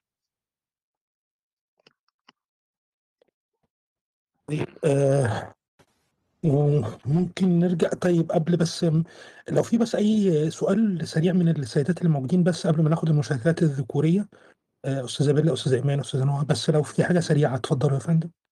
ما أعرفش إذا كان سريع والّا لأ. بس يعني حاولي يعني حاولي لو ينفع فيها الاختصار بعد إذن حضرتك. نعم. هو دكتور عبد الباسط يعني أنا باعزّه جدًا والله يعني واتعلمت منه كتير، بس ويمكن هو أكتر واحد أسِّس عندي إنه آآ ال التشريع يعني آآ إنه التشريع بشكل عام للإنسان ولكن الشريعة ال بمعنى العقيدة اللي هي التوحيد والعبادات فهي لله وما دون ذلك متروك للإنسان، وأسس له بشكل جميل يعني ومن كمان يمكن خلال فكر محمد عبده وغيره.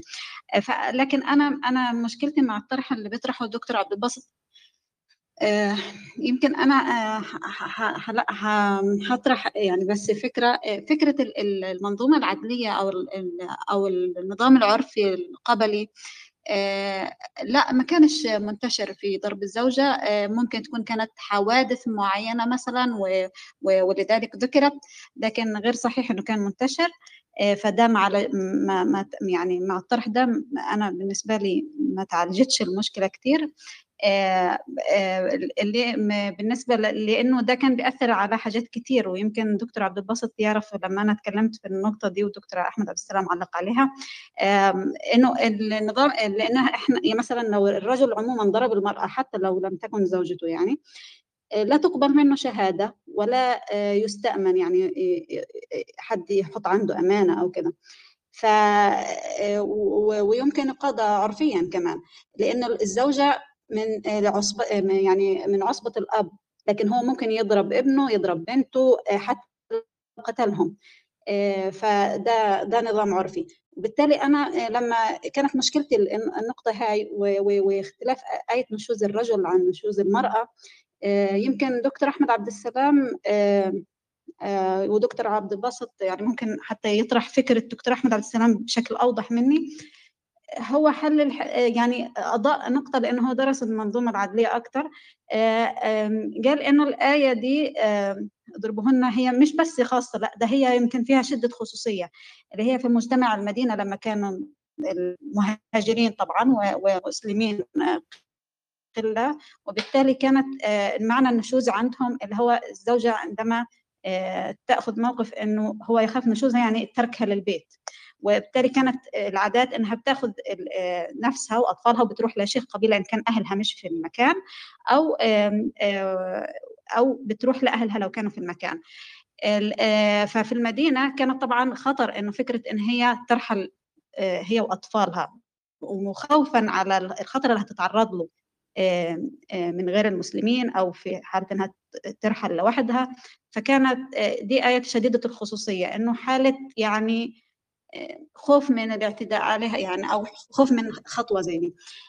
و ودي يمكن ح لمّا ربطها بآية نشوز الرجل آآ إنه في النهاية يعني فيها نوع من الإصلاح وإن إحنا نخلّي ال البيت يعني إنه ما حدّش يرحل عن حد، لإن الفكرة فيها نوعًا ما خطر عن فأعتقد إنه دي يمكن ممكن تحل الإشكالية نوعًا ما لإنها هتخلّيها بالعكس أضيق، يعني فيها خصوصية أكثر.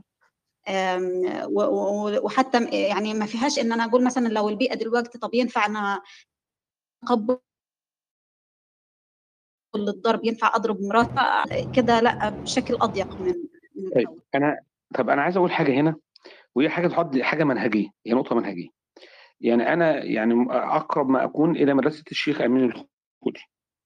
وأنطلق في فكرة إن أنت تتعرّف على المعاني القرآنية، أولًا بتتعرّف عليها من خلال آآ بنية اللغة، واللي هي بي بيعرّفنا بيها المدونة الشعرية زي ما الشيخ عبد القاهر الجرجاني بيقول، وأشوف العقل العربي الأول في شعره، وهنا ما باقولش العقل العربي اللي هو الجاهلي بس، لغات عصر الاحتجاج، لإن المسافات قريبة. بيستخدم الألفاظ إزاي والدلالات إزاي، وفي بقى نقطة مهمة جدًا أنا عايز أأكد عليها دلوقتي، إن أنا باتعرّف على المعاني القرآنية خلال التعرُّف على البيئة التي نزل فيها القرآن. طَب أنا هاتعرّف على البيئة اللي نزل فيها القرآن إزاي، عشان أعرف هُم بيتعاملوا مع المرأة إزاي، وبيضربوا والّا ما بيضربوش. أنا هنا باحيل الناس على كتاب مهم جدًا، جدًا، وده هي لمّا تشتغل عليه يعني أمّا تكون مثلًا عايز الحرب مثلًا الميراث، اختار أي مادة في مادة العقوبات أي مادة موجودة في القرآن الكريم وارجع شوف المدونة العربية عملت فيها إيه. العقل العربي أو البيئة العربية كانت قبلها عامله فيها إيه. الكتاب ده اسمه يا جماعة المفصل في تاريخ العرب قبل الإسلام. المفصل في تاريخ العرب قبل الإسلام. الكتاب دوت من 20 مجلد. الكتاب دوت من 20 مجلد. الراجل ده عاش حياته كله من أجل هذا الكتاب وهو كتاب رائع ومهم جدا. اسمه الدكتور جواد علي. دكتور جواد علي الكتاب ده بتاعه ده كتاب مهم جدا. في الناس اللي عايزة تتعرف على طبيعة البيئه طيب دي حاجة. ده أمر. الأمر الثاني في شغل بقى متفرق في أبحاث تانية بتتكلم على البيئة العربية. أنا شايف إن منهم برضو شغل للدكتور عبد الوهاب عزام. عبد الوهاب عزام تاني غير عبد الله عزام. عبد الله عزام دي مرجعية جاهدية وإخوانية دي حاجة وعبد الوهاب عزام ده راجل من الناس المهمين في الفكر العربي وده تلميذ لطه حسين أو يعني هو كان تلميذ بس تلميذ كبير في السن شوية يعني لأنه كان بيدرس في المدرسة الشرعية فكان بيتعلم على ايده وهو كبير يعني. فده ده ناس اشتغلت على المناطق دي. وبعدين لما أنا ببتدي أقرأ في لهم أو برجع مثلا للشعر العربي يعني الشعر العربي مهم جدا. يعني أنا في إنه بيديك صورة ولقطة للمجتمع. الحاجات ديت هتخليك تقدر تتخيل البيئة الأولى نزل فيها القرآن. أضف لده شيء كمان الأخبار المسندة للنبي صلى الله عليه وسلم. الأخبار غير الجانب التشريعي أنا مش هتكلم فيه دلوقتي لكن هي صورة للتاريخ. لما النبي قال في حديث أنا قلته من شوية وبقوله تاني وجاء في صحيح البخاري وفي مسلم على قضية أن النبي بيستنكر على الرجل أن يضرب امرأته كضرب العبد. فالنبي بيستنكر هذه الصورة.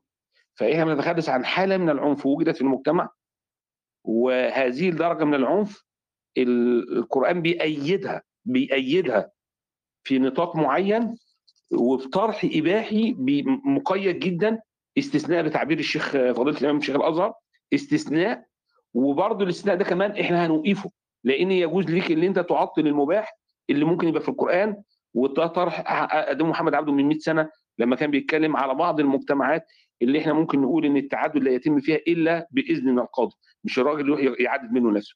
أو إن إحنا نمنع التعدد. التعدد يدخل في دائره المباح لكن يجوز للمشرع أن يتدخل فيه.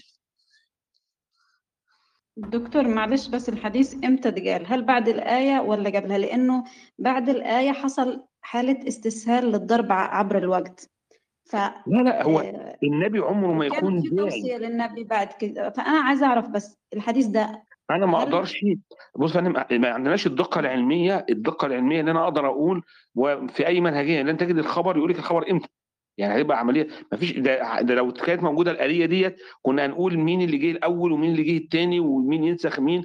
يعني العملية ديت عشان أقول ده ده مين زمنيا دي عملية يعني مش هتلاقيها موجودة. لكن أنا النهارده بقول ما أقدرش أعتمد على الموضوع ده لكن العرف مستمر حتى الآن. يعني يا دكتور العرف ده اللي أنا بتكلم عنه مستمر حتى الآن. أيوه هي دي النقطة بقى اللي أنا عايز أقولها يا أستاذ ايمان أنا عارف إن أنت حضرتك طبيعتك أو ثقافتك أو أنت مرتبطة بيه ببيئة حاضر فيها العرف القبلي. وهنا بقى النقطة اللي أنا عايز أقولها.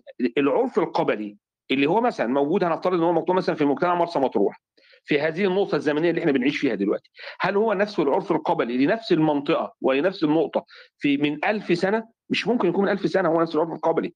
أنا النهارده لما أكون في منطقة فيها كفاية اقتصادية وأنا وفي غير ما أكون في منطقة ليس فيها كفاية اقتصادية وتعيش حالة من الجفاف والرجل يتحمل عن المرأة.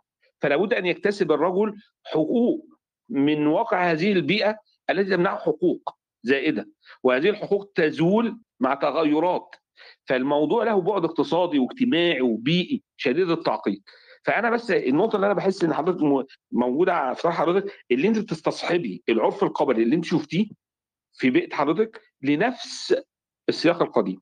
في حين إن أنا لو اتكلمت معاك عن عن العرف القبلي اللي حضرتك عشت فيه نفسه دهوت هقول لك إن المجتمع القبلي اللي أنت حضرتك عشت فيه دهوت هتلاقيه تغير فكره في في في شرائح واسعة من التصوف المسالم إلى العمل الجهادي في شرائح من مجتمعه في حوالي عقود أخيرة بشكل كبير جدا وبشكل يعد ظاهرة تحتاج إلى الدراسه على دي, دي قضية أو مثال. فأنا النهارده لما أجي أتكلم عن قضية المرأة في مجتمع قبلي وأعمل فاصله ما بينه وما بين دلوقتي ألف سنة هلاقي نقلات كبيرة جدا. لازم يحصل نقلات ليه ما اقولش يا دكتور إنه الفقهاء اللي اللي اللي بدأوا يأصلوا لموضوع الضرب كانوا فقهاء مدن وأبعد عن عصر النبوة. طيب ممكن ممكن نتدخل معاكم شوية. أنا قاعد من الأول كده ومستمع ومهتم ولو دكتور عبد الباسط ما عندوش آه، يعني رد سريع على النقطة دي أو رد على النقطة دي بس اسمحوا لي أقول كلمتين. اتفضل اتفضل. خ- خلونا بس ع- يعني أعمل تعليق عام كده عشان أوضح شوية آه، سياق أوسع للغرفة. آه، يعني اللي أنا سمعته من الدكتور عبد الباسط ليس دفاعا عن الضرب وليس تبريرا لأي مدرسة من المدارس الفقهية اللي اتعاملت معاه. اللي قدمه دكتور عبد الباسط في البداية كان عرض لاختلاف الطرق في التعامل مع إشكالية النص وإشكالية الضرب. واللي طرحه الدكتور عبد الباسط كان بيوضح فيه إن في إشكاليات الناس حلتها بالتحايل.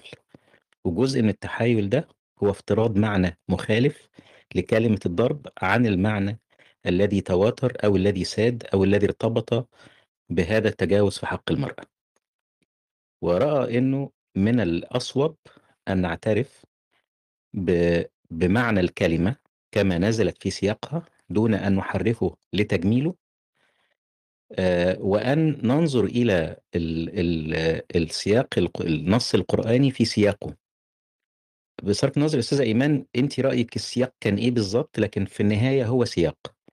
يعني هل هو آه، سياق عرف قبلي قريب مما تعرفينه ولأسباب أخرى آه، نزلت الآية أو هو كان نازل في السياق المجتمعي بتاعه؟ ده مش الموضوع قد ما هو إن إحنا نبقى واعيين بأن كان في سياق زمني وتاريخي للآية في هذا الوقت وإنه هذا السياق يخالف السياق اللي إحنا موجودين فيه النهاردة وبالتالي آه، لا ينبغي أن ينصرف الذهن إلى محاولة آه، تطويع الممارسة اللا إنسانية التي تجري وقبولها باعتبار أن النص موجود بهذا الشكل. آه، تحميل آه، ال- ال- المتحدث في الغرفة أو تحميل عبد الباسط مسؤولية الممارسات اللي بتتم أو إن هو المفروض يروح يكلم الرجالة بدل ما يجي يكلمنا هو الحقيقة الغرفة للناس كلها بس ارتأى الدكتور عبد الباسط وارتأى الأستاذ أيمن إنه يفتح المجال النهاردة للسيدات. طبعا أعتقد إنه أيمن كمان هيفتح المجال للرجالة بعد قليل بس كان الأساس إنه طالما إنه الموضوع يخصهم بشكل أساسي فهم اللي يتكلموا لكن هي مش مقصود بها مخاطبة النساء لإقناعهم بأي شيء. المقصود العام من الغرفة دي ومن الغرف ومن النادي هو نقل ال- المسؤولية المجتمعية لينا إحنا كأفراد عندنا القدرة على الفهم ولا ننتظر دايما سلطة الآخر اللي بيقول لنا لا أنتوا لازم تعملوا كده. لو إحنا اقتنعنا بده وبقينا مستريحين له أعتقد نقدر نحل مشاكل كتير لأن أنا بحس إن الناس منتظرة التفسير منتظرة حد يقول لها منتظرة الدكتور عبد الباسط يقول لهم اللي هم عايزين يسمعوه. الأساس في الفكرة هو تحرير الناس من سلطة ال ال الخطاب اللي موجود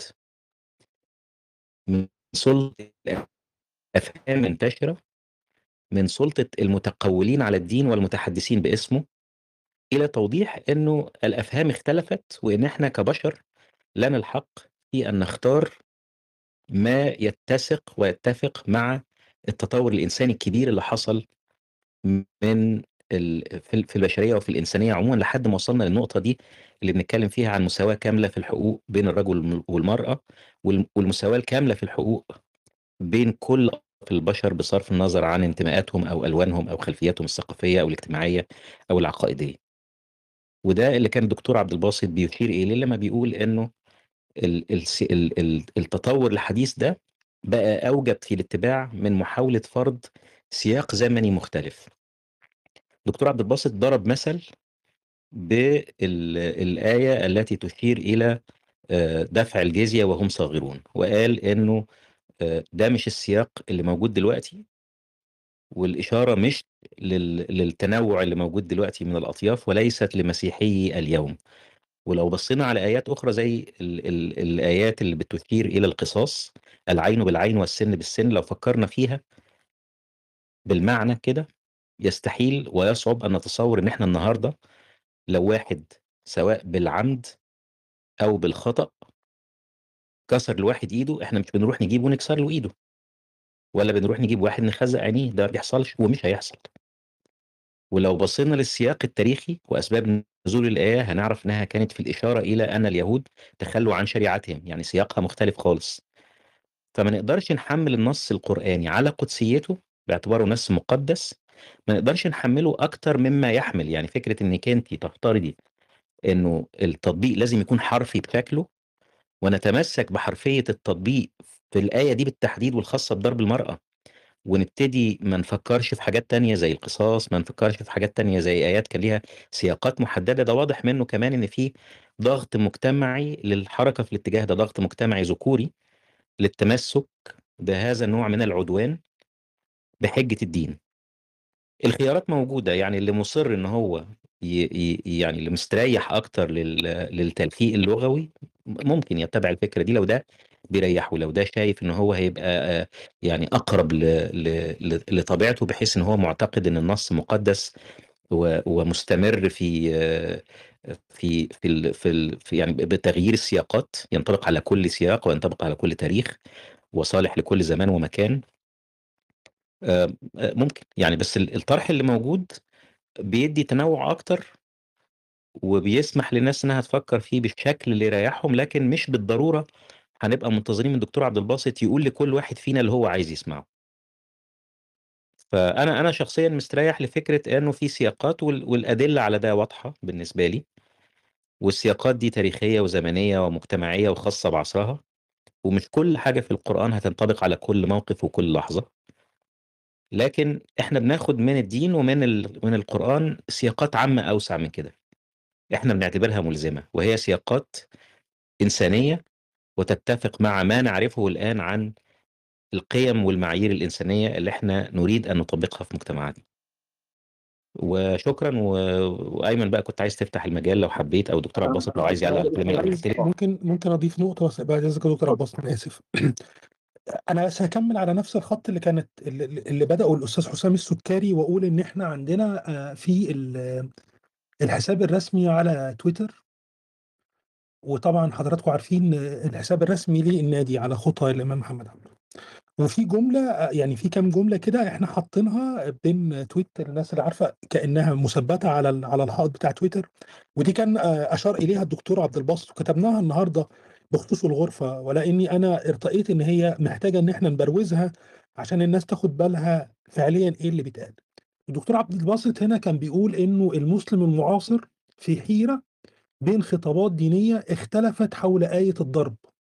لذا نحاول في على خط على خطى الإمام محمد عبده أن نفكر معا ولن نزعم امتلاك الحقيقة.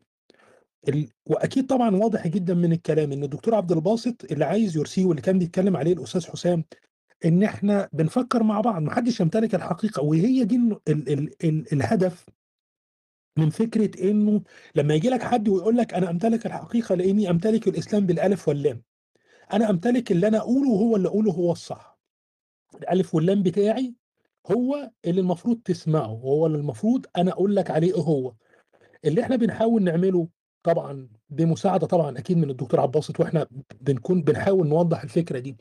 فكرة إن إحنا بنفكر مع بعض محدش بيمتلك الحقيقة ونكمل الجملة ولن نزعم امتلاك الحقيقة ولكن لكن نقدم مقاربة للحقيقة ونظهر المسكوت عنه في طريقة تفكير الخطابات الدينية. وده اللي كان بيقصده أستاذ حسام في آخر الكلام واللي كان بيتكلم عليه الدكتور عبد الباسط إن لما تيجي جماعات ايا كان اسمها ما بين قوسين تاخد الألف واللام بتاعها هي اللي فاكرة إن هو ده الحقيقة وتبدأ وتبدأ تروج إليه إن هو ده الحقيقة وإن أنا لا امتلك حقيقة اسمعني أنا بس ما تسمعش حد غيري. أنا اللي امتلك الإسلام بالألف واللام الإسلام والألف واللام بتاعي بيقول ده. فلما أنا أو الدكتور عب... يعني لما إحنا الدكتور عباسط طبعا بيتكلم في فكرة إن إحنا بنفكر. نعمل العقل نعمل العقل في النص. ولا نخرج بره النص بس نعمل العقل هل فعليا لما نشوف سياق الجملة سياق الآية وسياق النص وسياق الأحاديث هل ممكن نفكر نطلع بتفكير مختلف ولا لازم نفضل عند الكهنوت اللي هو إحنا لازم نسأل الشيخ والشيخ اللي يقول لك أنا اللي أمتلك الحقيقة طب وحضرتك امتلكت الحقيقة منين؟ هل أنت الوحيد اللي تمتلك الحقيقة؟ إيه السبب؟ يقول لك أصل الإسلام بيقول أيوه ما هو الإسلام ده ممكن يقول حاجة تانية ممكن يقول فكر تاني ممكن يقول إن أنا أتحرر من سلطة الكهنوت وإن أنا أبدأ أفكر وإن أنا أشوف. والنقطة برضو اللي كان بيتكلم عليها أستاذ حسام إحنا فعليا ما إحنا بس كانت الفكرة في الأول إنه وده ارتقيناه انه ما ينفعش نتكلم على دي ونجيب نبدأ بمشاركات ال- ال- الذ- الذكورية هم اللي يتكلموا لأنه ده هيبقى خارج عن عن المنطق. يعني أنا هتكلم على آية الضرب وأجيب بعض الرجال ونقعد نتناقش بقى مع الدكتور عباس والأستاذ حسام وأنا وبعض الرجاله ونبدأ نتكلم يتضربوا إزاي ولا ما يتضربوش ولا مش عارف إيه. أكيد طبعا ده خطأ خطأ فاحش يعني. فإحنا بس خدنا المشاركات النسائية وبعد شوية هناخد المشاركات المشاركات الذكورية وهناخدها في خلال دقيقتين. والفكرة إنه زي ما أستاذ حسام بيقول إحنا ما بنقولش لحد يعمل إيه وما تعملش إيه بس إحنا بنقول للناس فكروا شغلوا عقلكم. ما ينفعش في القرن ال 21 في القيم الإنسانية دي نتكلم على إنه العلاقة ما بين الراجل والست مبنية على الضرب. مستحيل. صعب جدا. القيم الإنسانية أعلى من كده بكتير. ده اللي إحنا بنحاول نتكلم فيه. أنا آسف لو كنت طولت بس حبيت أضيف على النقطة اللي قالها أستاذ سكري وأنا حطيت الجملة اللي كان قالها الدكتور عبد الباسط بن لغاية ما هنحاول نكتب حاجة يعني توصل للم... للمضمون ده وهتتحط بين على الحساب الرسمي للنادي على تويتر. أنا عملت update لل link اللي فوق لل Linktree للكتاب اللي الدكتور عبد الباسط أشار إليه وهو طبعا الكتاب للدكتور جواد علي. اللي هو آه، المفصل في تاريخ العرب قبل الإسلام وهم فعليا 20 جزء أنا حطيت بس الجزء الأولاني نوع بس من أنواع إنه الناس تبص عليه. متشكر جدا لحضراتكم دكتور الباسط مع حضرتك. أنا متفق مع طرح آه، آه، الأستاذ حسام وطرح الأستاذ أيمن وبما إن الفكرة مشتركة بينا وقريبين من النقاشات والحوارات فهي معبرة جدا بدقة. وأنا عايز بس ألخص ال- الموضوع في جملتين الإسلام ونبوة محمد صلى الله عليه وسلم أتت لغاية محددة وهي آه، استرداد العقل من سلطان الكهنة. كل من يزعم أنه يتحدث باسم الله كل من يزعم ويقول هذا صوت الله كل من يزعم أنه يمتلك حقيقة مطلقة فهو يمارس آه، حالة صريحة وواضحة من الكهنة. يعني إيه الكهنة؟ إن أنا النهاردة بتكلم باسم ربنا. ال- النبي لما جه والإسلام بيسترد العقل عشان العقل هو اللي يستصح هو اللي يستكمل المسيرة بعد أن ينقطع الوحي. وده اللي إحنا بنحاول نأسس له في على خطى الإمام محمد ويعني وأنا اتكلمت كتير بقى في الموضوع والتسجيلات ممكن لو أي حد ما سمعناش من أول هيرجع هيلاقي حاجات كتير. فنفتح المجال بقى للنقاشات طيب أنا بس عايز أضيف يا دكتور عباسط أنا آسف بس أنا برضو عملت إضافة كده ل برضو مقالة فوق عن الموضوع الضرب واخد برضو سياق أعتقد إن هو مختلف تماما فطرح كل الأفكار اللي موجودة طيب إحنا طيب أنا بس أستأذن كل السيدات الابناء لو في حد عنده إضافة قبل ما ناخد بس مشاركات من ال- ال- الإخوة ال- الذكور اتفضلي يا أستاذة بيلا. أو أستاذة ابن ماشي وأنا كده كده طلعت. اتفضلي. آه، طيب شكرا لكم. آه، أنا يعني ابتديت يمكن مداخلتي في الأول خالص إن أنا آه، أقول إن الضرب آه، فعل غير أخلاقي غير إنساني آه، ضد القانون وضد أي مبادئ آه، يعني المفروض إن إحنا نتكلم بيها النهاردة. ويمكن كمان في مداخلتي في الأول قلت إن أنا للأسف بدخل رومز كتير جدا على كلاب هاوس بسمع فيها ذكور بيختلفوا وبيتكلموا عن آه، الطريقة الصحيحة لضرب المرأة. المرأة هتتضرب إزاي؟ وللأسف للأسف وأنا بقول الكلام ده آسفة أنا هضطر أحط زائد واحد للروم بتاعت النهاردة. آه، أنا فعلا اتصدمت من الكلام اللي أنا سمعته. وأسفة جدا ليكم وأتمنى إن الحوارات القادمة عن الموضوع ده تكون معمولة بطريقة يعني مش عارفة الحقيقة أقول إيه يمكن بطريقة آه، إن إحنا ندخل في الموضوع وإن إحنا ما نقعدش نتكلم كتير في حاجات يعني تخلي الكلام يبقى شكله موضوعي وجميل وندخل فعلا في الموضوع. إيه إيه اللي صدمك يا بيلا أنا مش فاهم. لا لا لا. يعني الموضوع المصدم إن أنا كنت فعلا آه، فاكرة إن أنا هسمع النهاردة إن آه، الكلام لا يطبق مش المفروض إن هو يتطبق نهائي وإن مفيش أي تبرير إن يجي تشريع إلهي يقول إن للحق الحق الرجل إن هو يضرب المرأة في أي وقت من الزمان أو المكان أو الموضوع. يعني يمكن هو ده اللي أنا كنت عايزة أسمعه بس بالتالي مش هسمعه. ويمكن أحفادي هم هيسمعوا الكلام دوت. شكرا بس ليك أنا مش برضه معلش انت بتحملي الغرفة مسؤولية آه، فوق التاريخ كمان. يعني فكرة إنه ما ينفعش يتضرب في أي زمان ومكان ده حصل فعلا. ولما نقول إنه حصل أو نقول إنه لغويا دي معناها كده ده مش معناها إقرار بإنه يحصل. طيب يعني إحنا ما نقدرش ما ندين اللغة وما نقدرش ندين الماضي.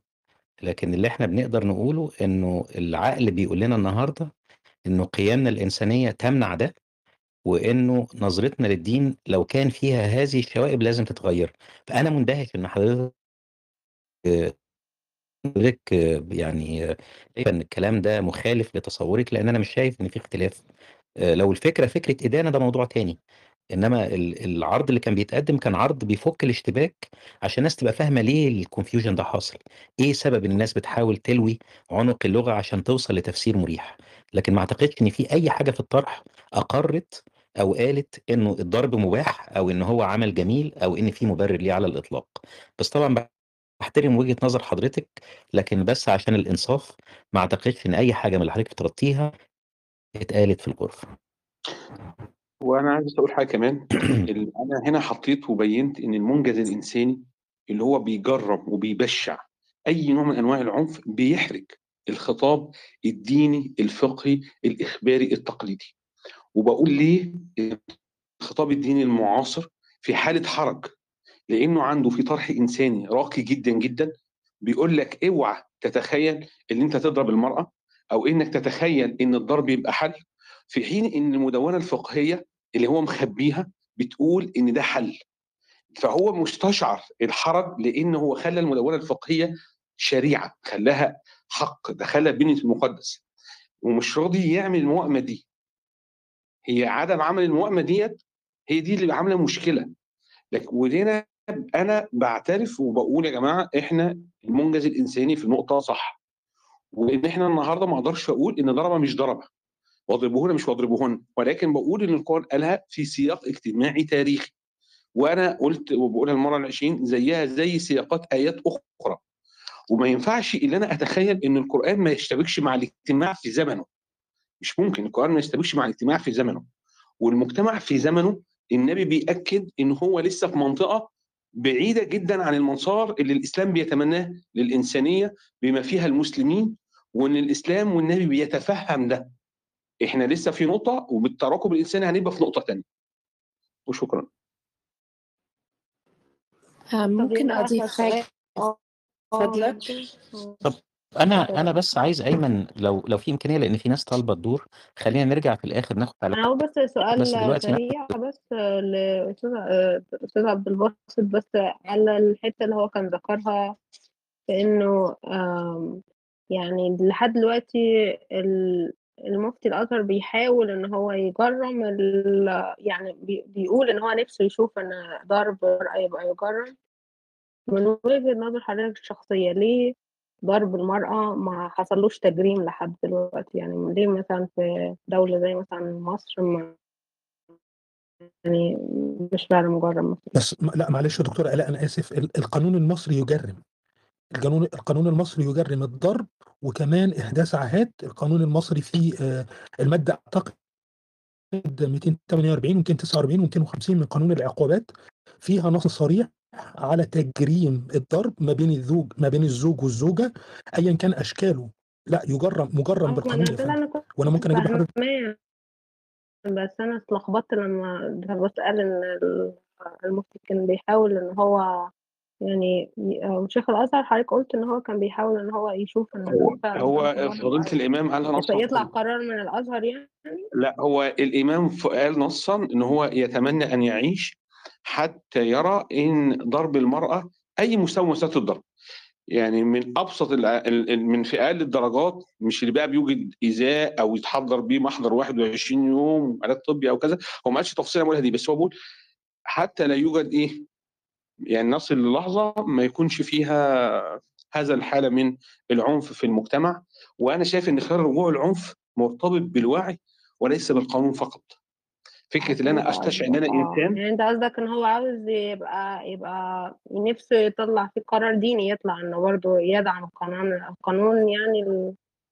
هو ال- آه هو الإمام بيدعم الفكرة ديت وهو عارف خطورة إن أنت النهارده بهذا الطرح أنت عندك في بنية تراثية بتوديه في منطقة تانية ولذلك هو استخدامه فكرة الفقه الصحيح والفقه غير الصحيح هو بيشير للمنطقة دي. وإحنا اللي إحنا بنعمله بالغرفة ديت واللي إحنا بنسعى عليه اللي إحنا بنعزز الوعي ده إن النقطة الإنسانية والطرح الإنساني اللي بيرفض هذا الفعل هو يتسق مع روح الإسلام وفعل النبي صلى الله عليه وسلم ومع المعاني الكلية الأساسية في القرآن الكريم وإن السياق الآية هو سياق اجتماعي منقطع أو سياق مباح لمجتمعات كانت في حاجة إلى هذا ونحن في مجتمعات أخرى يعني في نقاط في نقطة أكثر تقدما على الفعل الإنساني في هذه في هذا الطرح يعني. أنا أنا أنا اللي بقوله النقطة اللي حضرتك أثرتيها يا دكتورة الاء إنه القانون المصري يجرم. وأنا هحط دلوقتي هحط دلوقتي اللينك الخاص بالمواد. آه، اتفضلي يا أستاذ أمنية لو حضرتك عايزة تضيفي في النقطة دي. هو أنا بس يعني المشكلة عندي حضرتك مش عشان مثلا أنا زعلانة على الضرب أو إن أنا هتضرب أو الموضوع الخطاب ده للناس اللي هم الفيمينست الخطاب ده للملحدين الخطاب ده للناس اللي انت شايف انهم بين بين حتتين بين اللاهوت وبين انهم يفكروا بين انهم مش عايزين يفكروا. فأنا واحدة بفكر. فمثلا في أحاديث بسمعها بتنسب للنبي أنا ما بصدقهاش. آه، لأنها بتبقى ضد ال... ضد النص القرآني أصلا وساعات بتبقى ضد اللوجيك ال- أو المفهوم بتاع البني آدمين يعني. لكن ففي نوعية ناس بيتقال عليهم قرآنيين اللي هم ما بيؤمنيش بالسنة والمدونة الفقه والكلام ده كله اللي هو راجل ذكوري كتبه لأهداف نفسية في دماغه لأهداف سياسية whatever.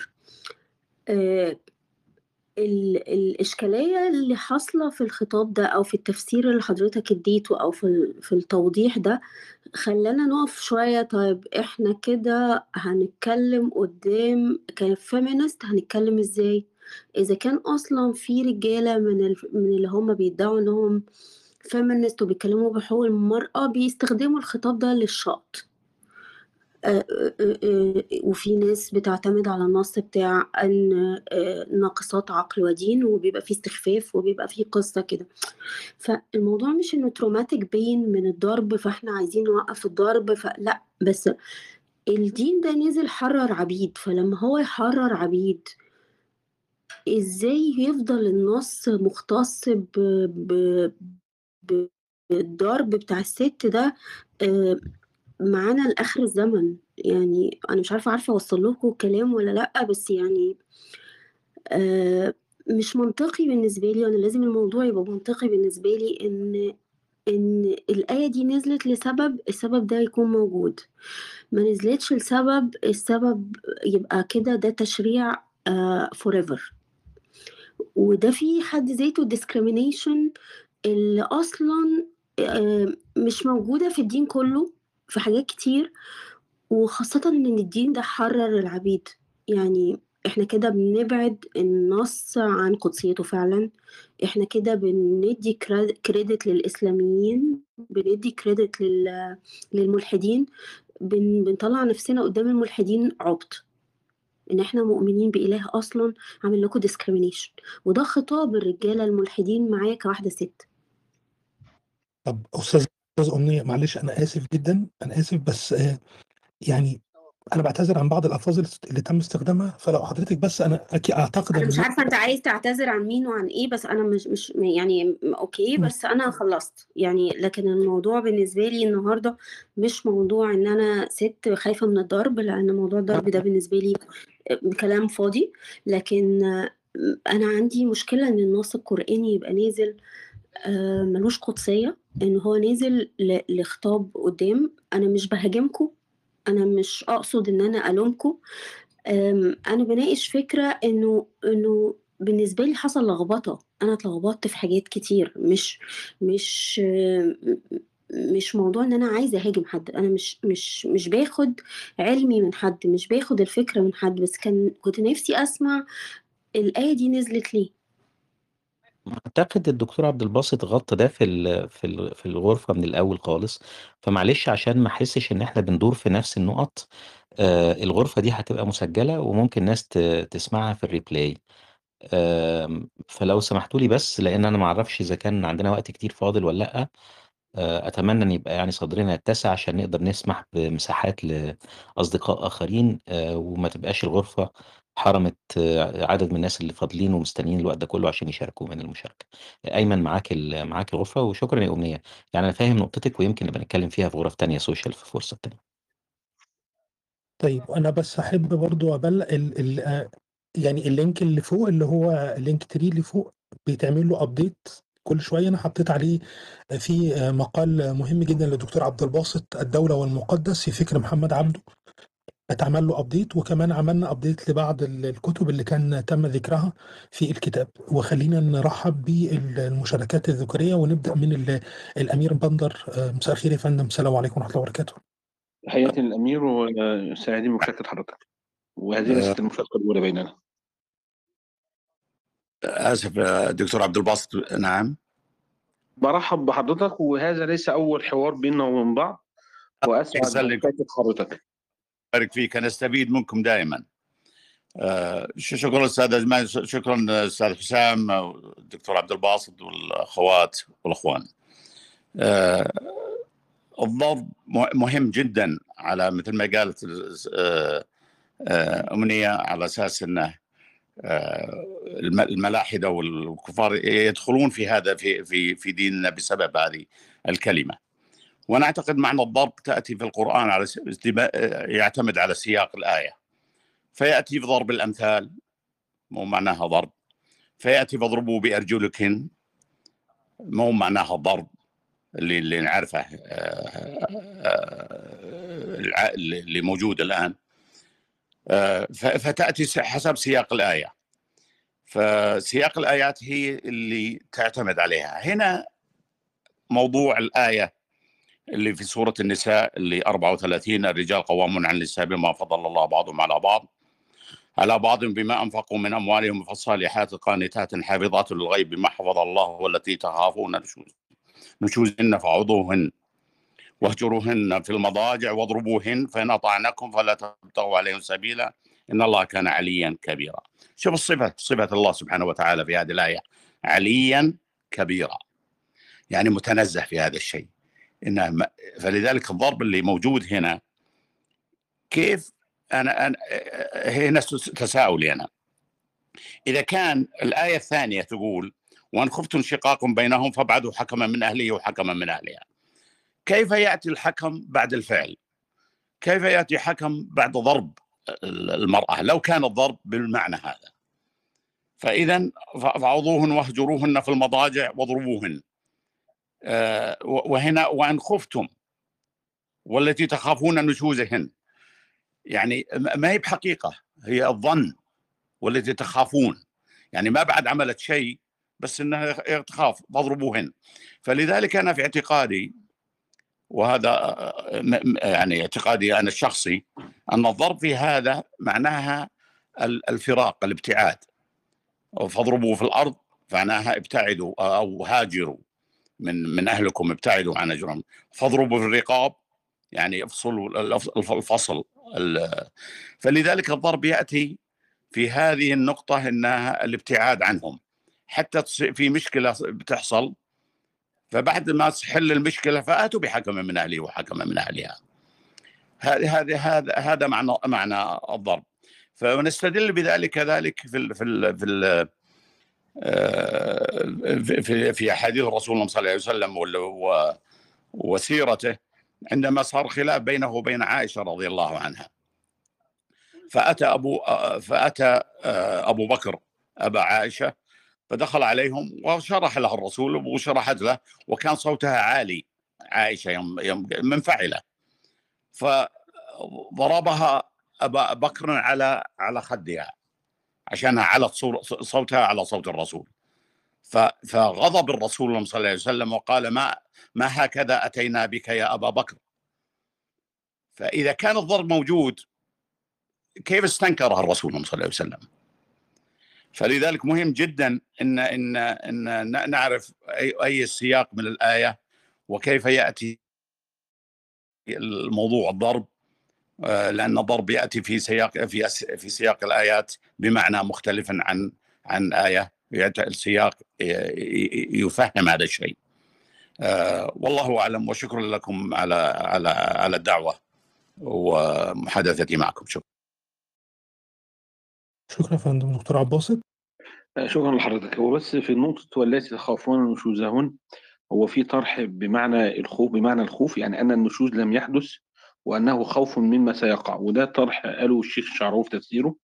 لكن عندنا في في أكثر التفسيرات قالت أن الخوف هنا بمعنى العلم يعني تخافون والتي تعلمون.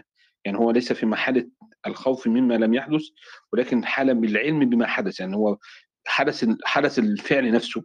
فهو ليس يعني مجرد تخوف ولكن التخوف هنا بمعنى العلم.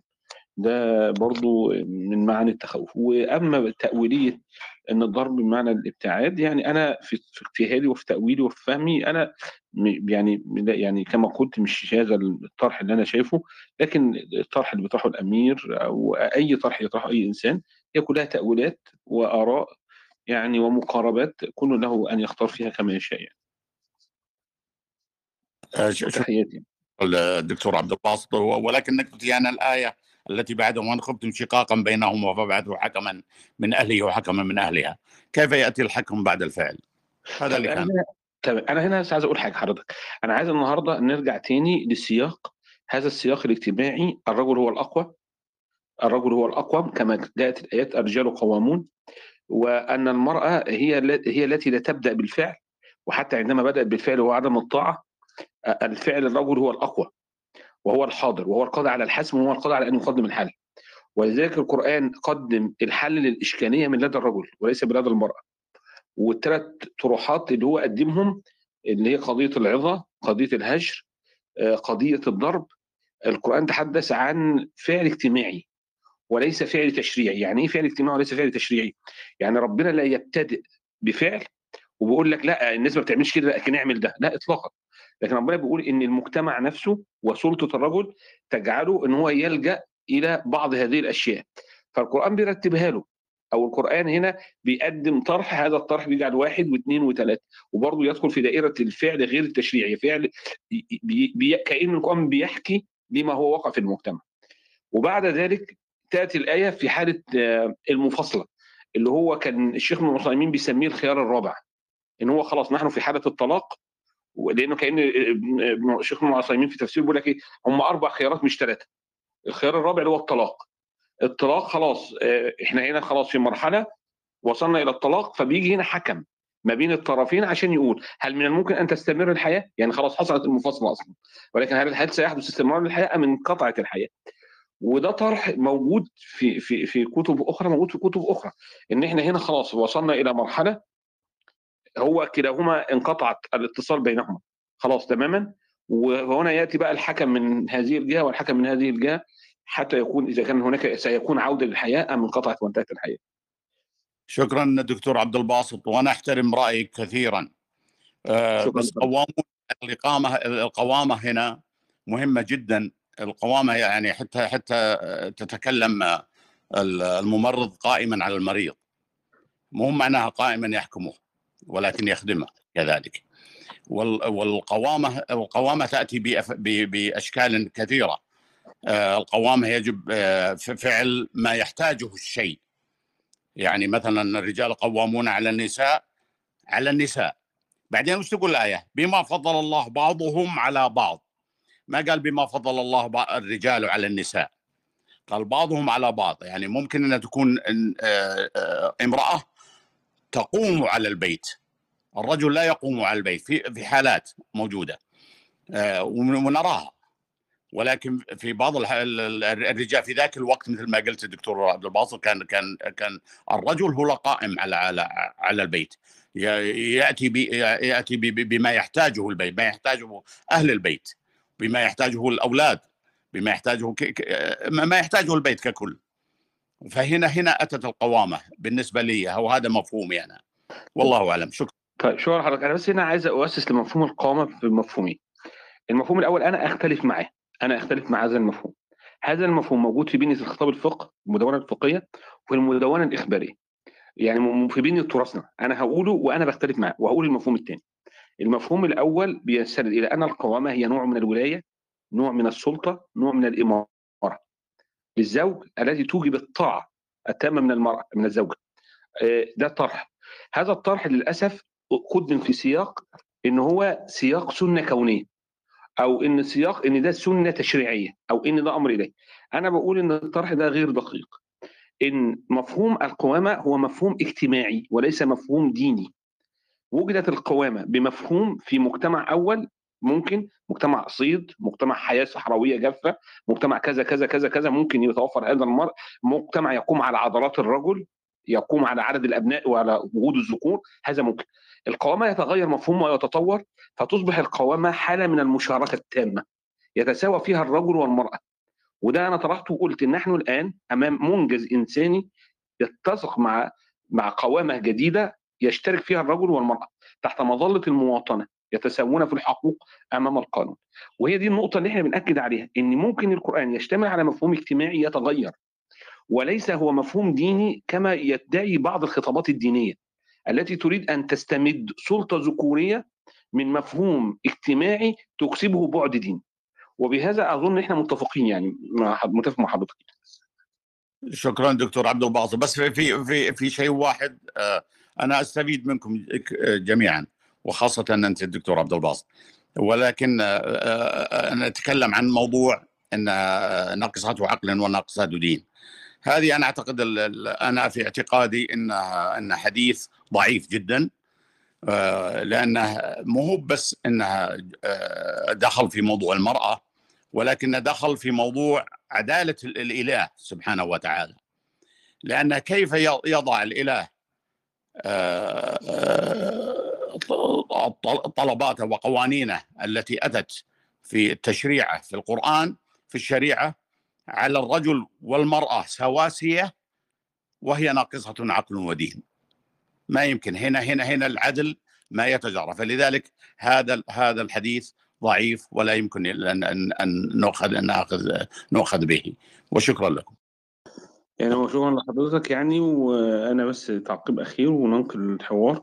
هو في آه، آه، مبدأ العدل حكم على كل شيء هو حكم على كل شيء. ويمكن العقل المعتزلي اللي كان بيقدم أو بي- بي- بيدي مساحة للعقل لما قال آه، نحن أمام مبدأين مبدأ التوحيد والعدل في محاكمة ومساءلة كل المأثورات والأخبار والنقول المسنده للنبي صلى الله عليه وسلم هذا مهم جدا. وتحياتي لحضرتك والأستاذ أيمن بقى يفضل جدا الحديث. متشكر جدا. شكرا شكرا لحضرتك يا أمير بندر وشكرا لمساهمة حضرتك ومشاركة حضرتك معانا. آه، طيب خلينا بس نمشي الدور وناخد الأستاذ بوب. طيب السلام عليكم تحياتي ليكم كلكم دكتور عباسط أستاذ ايمن السكري كل الناس الموجودين. آه ضرب المرأة نكذب أم نتجمل أم نختار مدلولات ونسكت عن أخرى. آه لو هقدم إجابة مش هنعمل أي حاجة من دول. إحنا هنفهم هنحاول نفهم. ونفهم هنا إحنا معناها آه نحدد بالظبط علاقتنا بالنص المقدس. علاقتنا بالقرآن نحدد ما هي العلاقة. هل نحن كمسلمين نرى القرآن آه، كتاب قانون كتاب تشريع كتاب هدي كتاب منهج كتاب يتعبد به وفقط آه، كتاب آه، اجتماع؟ هنا لازم لو حسمنا من البداية نقطة علاقتنا بهذا النص اللي الحقيقة أنا ما بسموش نص أنا بسميه ظاهرة. و- وبشوف إنه القرآن إعجازه الحقيقي أنه كتاب يتجدد بالقراءة بمجرد القراءة. يعني كل حد فينا آه، ممكن عنده مساحات من إعمال العقل فيه والفهم والإدراك آه، لا لا تنتهي بعدد أنفس البشر. فإحنا إذا حسمنا نقطة ما في النص آه، أو طبيعة نشأة النص نفسه كمنتج ثقافي بمعنى أنه نزل في بيئة معينة في لحظة معينة من التاريخ في لحظة معينة من حركة العمران البشري اسمها القرن السابع وفي اسمها صحراء الجزيرة العربية هنفهم إنه كان طبيعي ومنطقي إنه يشتبك على مدار 23 سنة مع الاجتماع السائد في هذه البيئة. المشكلة حدثت حينما تصورنا أن ما به من أحكام وتشريعات هي مؤبدة ومطلقة في الزمان والمكان. وبالتالي اعتبرنا إن ربنا سبحانه وتعالى اصدر قانون أو تشريع يصلح النهارده وبكرة ولغاية قيامه تقوم. وده مش حقيقي لأنه منطقيا كده لو لو ده خطأ سيسيولوجي فادح تعالى ربنا سبحانه إنه يقع فيه. لأنه لا يصح عقلا أن قانون الضرائب مثلا التي أنتجناه سنة 1900 سيكون صالح النهارده وبكرة لغاية قيامه تقوم ما ينفعش بالمنطق كده. اذا إحنا محتاجين نعدل نظرتنا للقرآن ونفهم أنه ظاهرة بمعنى أنه في حالة دائما من التجدد. إحنا لازم ننطلق من الواقع لنفهم النص. أم ننطلق من النص لنفهم الواقع ونحكم عليه؟ لو حددنا هنا الفكرة الأساسية وتعاملنا مع القرآن على إنه ظاهرة. يعني لازم نسأل نفسنا ليه ربنا سبحانه وتعالى خلينا نتعبد بهذا النص خمس مرات في اليوم؟ لو تلاحظ حضرتك أنا أنا على المستوى الشخصي يعني لاحظت حاجة غريبة في نفسي في شخص المتواضع إنه هناك آيات كان ممكن أقرأها وأنا بصلي مثلا وأنا عندي 10 سنين وأنا عندي 15 سنة وأنا عندي 20 سنة وأنا عندي 30 سنة كل مرة دلوقتي بإحساسي بيختلف مع الآية. وما وتوقعه في نفسي وفي عقلي قد يختلف. ده على المستوى الفردي الشخصي. فما بالك بالجماعة؟ ب... إحنا كمجموعة. هل نحكم النص بالواقع أم النص هو الذي يحكم الواقع؟ أنا بشوف إنه من إحدى تجليات الظاهرة القرآنية وإنها ظاهرة إنها دائما في لازم تكون حية باستمرار. وحيائها ده هو انفتاح الفهم والتأويل دائما بما فيه المنهج الذي يطرحه الرسالة بما إن إحنا مؤمنين أنها رسالة إلى كل البشر وحتى تقوم الساعة. فبالضرورة يكون فيها هذه المساحة من الرحابة والانفتاح التي تقبل كل ما هو خير في المنجز الإنساني من معارف ومن اجتماع ومن قيم عليا. فبالتالي إحنا محتاجين نتجاوز النقطة دي باختصار. لو عدلنا علاقتنا بالنص ممكن 30 ثانية بعد إذن حضرتك؟ أنا خلاص انهيت الفكرة. أشكرك أستاذ أشكرك دكتور عباسط وأستاذ كريم وتحياتي لكل الناس الموجودة واسمه الأمير وكل الناس. أشكرك. تحياتي لحضرتك شاكر جدا. تحياتي. طيب أنا بس بعتذر من من الأصدقاء بس يعني هنحاول بس المداخلات لأن فعليا إحنا بعد ثلاث ساعات كان المفروض نقفل بس إحنا آه تقديرا من الدكتور عباسط بس هنحترم يعني محترما لكل الموجودين على البانل آه أستاذ آه طارق أو ألو؟ ها طيب في البدء استغل المداخلة في دقيقتين لو سمحت. ففي البدء بحييكم هنا في الغرفة وفي المودريتور والدكتور. أنا بقول هنا أكثر من إنها هي تساؤلات ما ما إجابات. وبتخلي التحدي قالوا بوب بتخليه بيبقى هو في شنو التفسير بتاع القرآن الكريم لغاية اللحظة دي والفقه كله تاريخ الفقه كله قائم على شنو؟ على قائم على على تفسير النص بخصوص السبب لا بخصوص ب ب ب بعموم اللفظ ما بخصوص السبب. يلا دي, دي مشكلة هنا. كل الحياة الفقهي ده بيكون في في, في الحتة دي. ولو تم آه تفسير القرآن بالطرف الآخر اللي هو بخصوص السبب بخصوص السبب بخصوص السبب اللي هو السياق التاريخي. والتساؤل هنا ليه القرآن مثلا نزل في 23 سنة؟ يعني ده ده يعني دي من ناحية كلية عندها معنى. يعني معناته السياق الاجتماعي التاريخي عنده معنى في إنتاج النص ومعناه وكده. أنا ما أقدر أخش في التفاصيل دي براء ممكن تكون هيروم آه الحتة الثانية في مثلا في حتة برضه حتة كلية آخذها. حتة إنه المرأة قبال الإسلام كان تقتل. وأنا بتخلي في آية من الآيات من القرآن الكريم إذا أنا ما حافظها إذا موجوده قتلت بأي سبب. يعني بنهايه الآية. يعني القرآن أو الإسلام قام نقل ثورة عمل ثورة إنه المراه بدل كان بتقتل بقى بقت تكون هي موجودة والتساؤل بتاع القرآن. دي أنا ما دار التفسير بتاعها لكن هي نقلة ثورية تاريخية اجتماعية بهناك. هي معناها الزول ممكن ياخذ معناها العام يجي في التفسير. الشيء الثاني التساؤل رغم انها في في في, في, القرآن زي ما آه، أشار الدكتور إنها هي آه، 6214 آية ولا حاجة زي دي. أول آية هي نزلت وأول كلمة أقرأ. دي عندها دلالة. برضه ندخل برضه بشنو؟ بال- بال- بال- بالمكتشفات الأخيرة في مثلا في linguistic discourse analysis الدلالة بتاعت المعنى دي وسياقه وشنو؟ دي برضه عندها معنى. ودي كلها دلالات بي بي بي بي بي بي بي بس بت- بتوصل إضاءات. والشيء الثاني برضه إذا جينا المدخل إلى الله. أنا بس بعرف الله مثلا إنه هو الحقيقة المطلقة. ده من ناحية فلسفية. وإنه أي إنسان والإنسان هو الحقيقة النسبية. يعني القرآن هو مقدس جاي من الله المطلق. يعني الكلام يقوله ده كله هسه بنصل له هنا والفقه الموجود ده كله هو نسبي. فقه يعني أنتج عقل بشري. معلش. يعني في النهاية 30 معلش بس 30 30 ثانية. ف- ف- فهو دي نسبية. الثاني التساؤل الآتي آخر حاجة. في في في المجاعة زمن المجاعة سيدنا عمر بن الخطاب رفع ال- الحد بتاع السرقة. ده ده كله إشار له الدكتور نصر حمد أبو زيد في الكتاب بتاعه بتاع نقد الخطاب الديني وأنا بتخليه بيقدم دلالات كبيرة جدا اللي هو رفع الحد بتاع بتاع السرقة. وهو قام قرر إنه السياق بتاع إنه الحد بتاع السرقة يتم ما كان استوفى في الوقت ده كان في مجاعة وكده. ده معناته شنو؟ الدلالة بتاعته شنو؟ بشر هو سيدنا عمر رفع مطلق بتاع ربنا. يعني مرات يمكن تكون في صياغة من دي من من, من المثال ده ممكن يترفع النسبي المطلق ويمشي بالنسبي. دي برضه عندها دلالات بس ده أنا التساؤلات العامة كده والمسألة هي من التعقيد بمكان و... وكله اجتهاد وكله نسبي وما في مقدس في دي. شكرا. نحاول نحكم بس المداخلات لأن زي ما قلت إحنا وقتنا كان المفروض لغاية الساعة واحدة بتوقيت القاهرة بس تاخرنا شوية. طيب الأستاذة آه، يسرا مساء الخير يا فندم. مساء الخير عليكم وشكرا على الروم جدا. آه طيب أنا هتكلم بشكل مختصر وسريع. آه أنا شايفة إن إحنا بنفرض مساحة واسعة قوي للنقاش في تأويل الآية. هل المقصود الضرب بمعنى مد الإيد بالايذاء ولا معناه البعد والهجر؟ طب هل السياق الاجتماعي التاريخي كان ساعتها بيسمح لده؟ طب هل الن- النص المقدس هو نتاج للبيئة اللي نزل فيها؟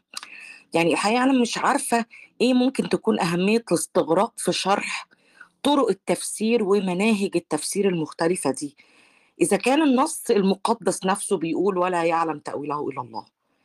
فهنا أنا آه يعني ده هتنقل تاني يمكن لحاجة اللي هو الهدف الأكبر من أي خطاب تنويري ومنهم آه خطاب طبعا آه الدكتور عبد الباسط. السؤال اللي بيشغلني دايما واللي ممكن حتى ممكن يبقى محور نقاش أوسع بعد كده. هل إحنا هدفنا إن إحنا نستبدل التفسيرات التراثية بتفسيرات تانية حديثة وتلقينها للناس باعتبار إن هي دي الرواية الأقرب للإنسانية بمفهومنا الحالي عن الإنسانية ولا إحنا هدفنا أبعد وأشمل من كده شوية هو. الترويج لفكرة إن كل الاحتمالات قائمة كل التفسيرات قائمة التراثية والحديثة كل التفسيرات ممكن أن تكون صحيحة. وإن يكون هدفنا أكتر هو إن الترويج لفكرة الانفتاح والمرونة في التفسير بشكل عام وإن من حق كل بني آدم إنه يختار التفسير اللي هو عاوزه يعني أنا ساعات بحس إن إحنا بنتجرجر في النقاش. للاختلاف على مثلا زي هنا النهارده في الروم على إيه المقصود. ب... ب... بمفهوم الضرب والتمسك بعض الآراء كانت متمسكة بتفسيرات معينة إن ده ده إحنا بنعيد إنتاج نفس الفكر وهو الجزم بأن تفسير معين هو اللي صح في إن- في حين إن إحنا حرفيا ما نعرفش ومش مهم ده مش محور ال- ال- الخطاب التقدمي اللي إحنا مفروض بنحاول ن- ن- نسعى له يعني. الهدف إن إن ال- إن التفسيرات كثيرة ومختلفة وما ما ما حدش يقدر يجزم بأنهي تفسير هو الصح ومن حق كل إنسان أن يختار التفسير. بس شكرا. طب تعقيب. شكرا للالتزام بالوقت بصراحة متشكر جدا جدا جدا. آه، اتفضل اتفضل يا أستاذ. كلامك وبس هو ال ال ال- الغرفة ما كانش غرضها إنها تجادل في التفسيرات أو تنصر التفسير على تفسير. آه، كون بعض اللي حاضرين في الغرفة كانوا مهتمين بتفسيرات معينة فده هيبقى حقهم في إطار الهدف الأسع الأوسع اللي قلتيه يا يسرا هو إنه يتسع المجال لإن إحنا نستوعب فكرة إنه التفسيرات بتختلف وإن كلنا لينا عقول وكلنا لينا الحق في إن إحنا آه، نفكر في علاقتنا بالدين وبالنص. كما يتراءى لنا و وكما يعني في في الرؤية اللي الدكتور عبد الباسط شايفها واللي أنا متفق معاها وأعتقد أيمن كمان إنه إحنا في عصرنا هذا نستطيع أن نختار لنفسنا آه، ما نرى أنه أوفق لما وصلت إليه الإنسانية في آه، عصرنا الحالي من قيم ومبادئ آه، لا نرى أنها تختلف مع ال- ال- المنظومة كما نفكر فيها.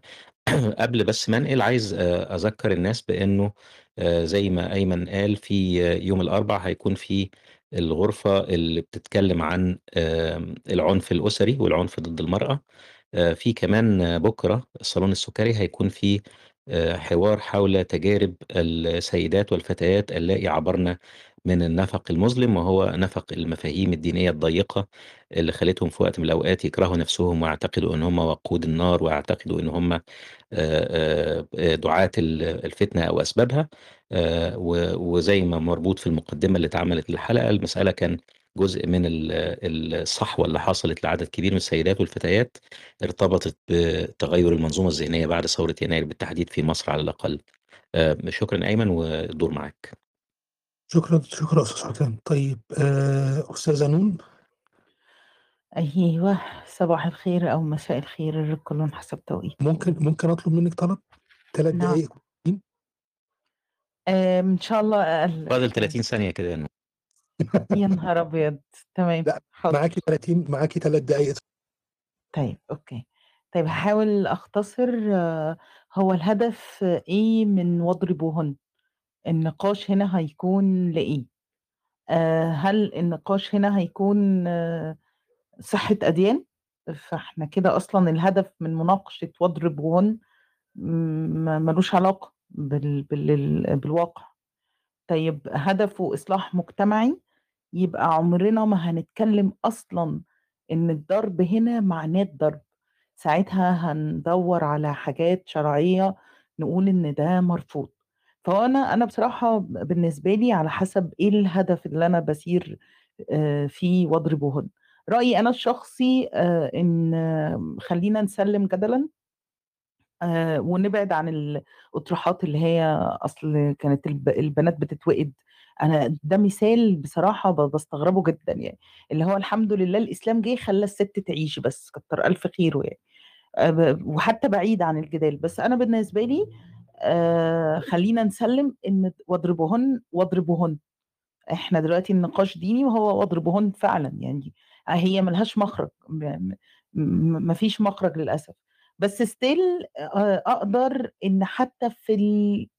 في اللي هي معنى الضرب أن أنت ستيل عندك آه، آه، موضوع الضرب ده محدود موضوع ال- آه، ال- الفكرة فيه من الإهانة آه، مرفوض إن ما فيهوش عجن وما فيهوش تكسير إنه أمر مباح وممكن الحاكم يلغيه ويسجن أي واحد هيعمله. آه، هل المرأة تقبل ده أصلا؟ لا ما تقبلش. بس دلوقتي النقاش ما بقاش مجتمعي. النقاش بقى على صحة إثبات الدين من خلال آية واضربوهن.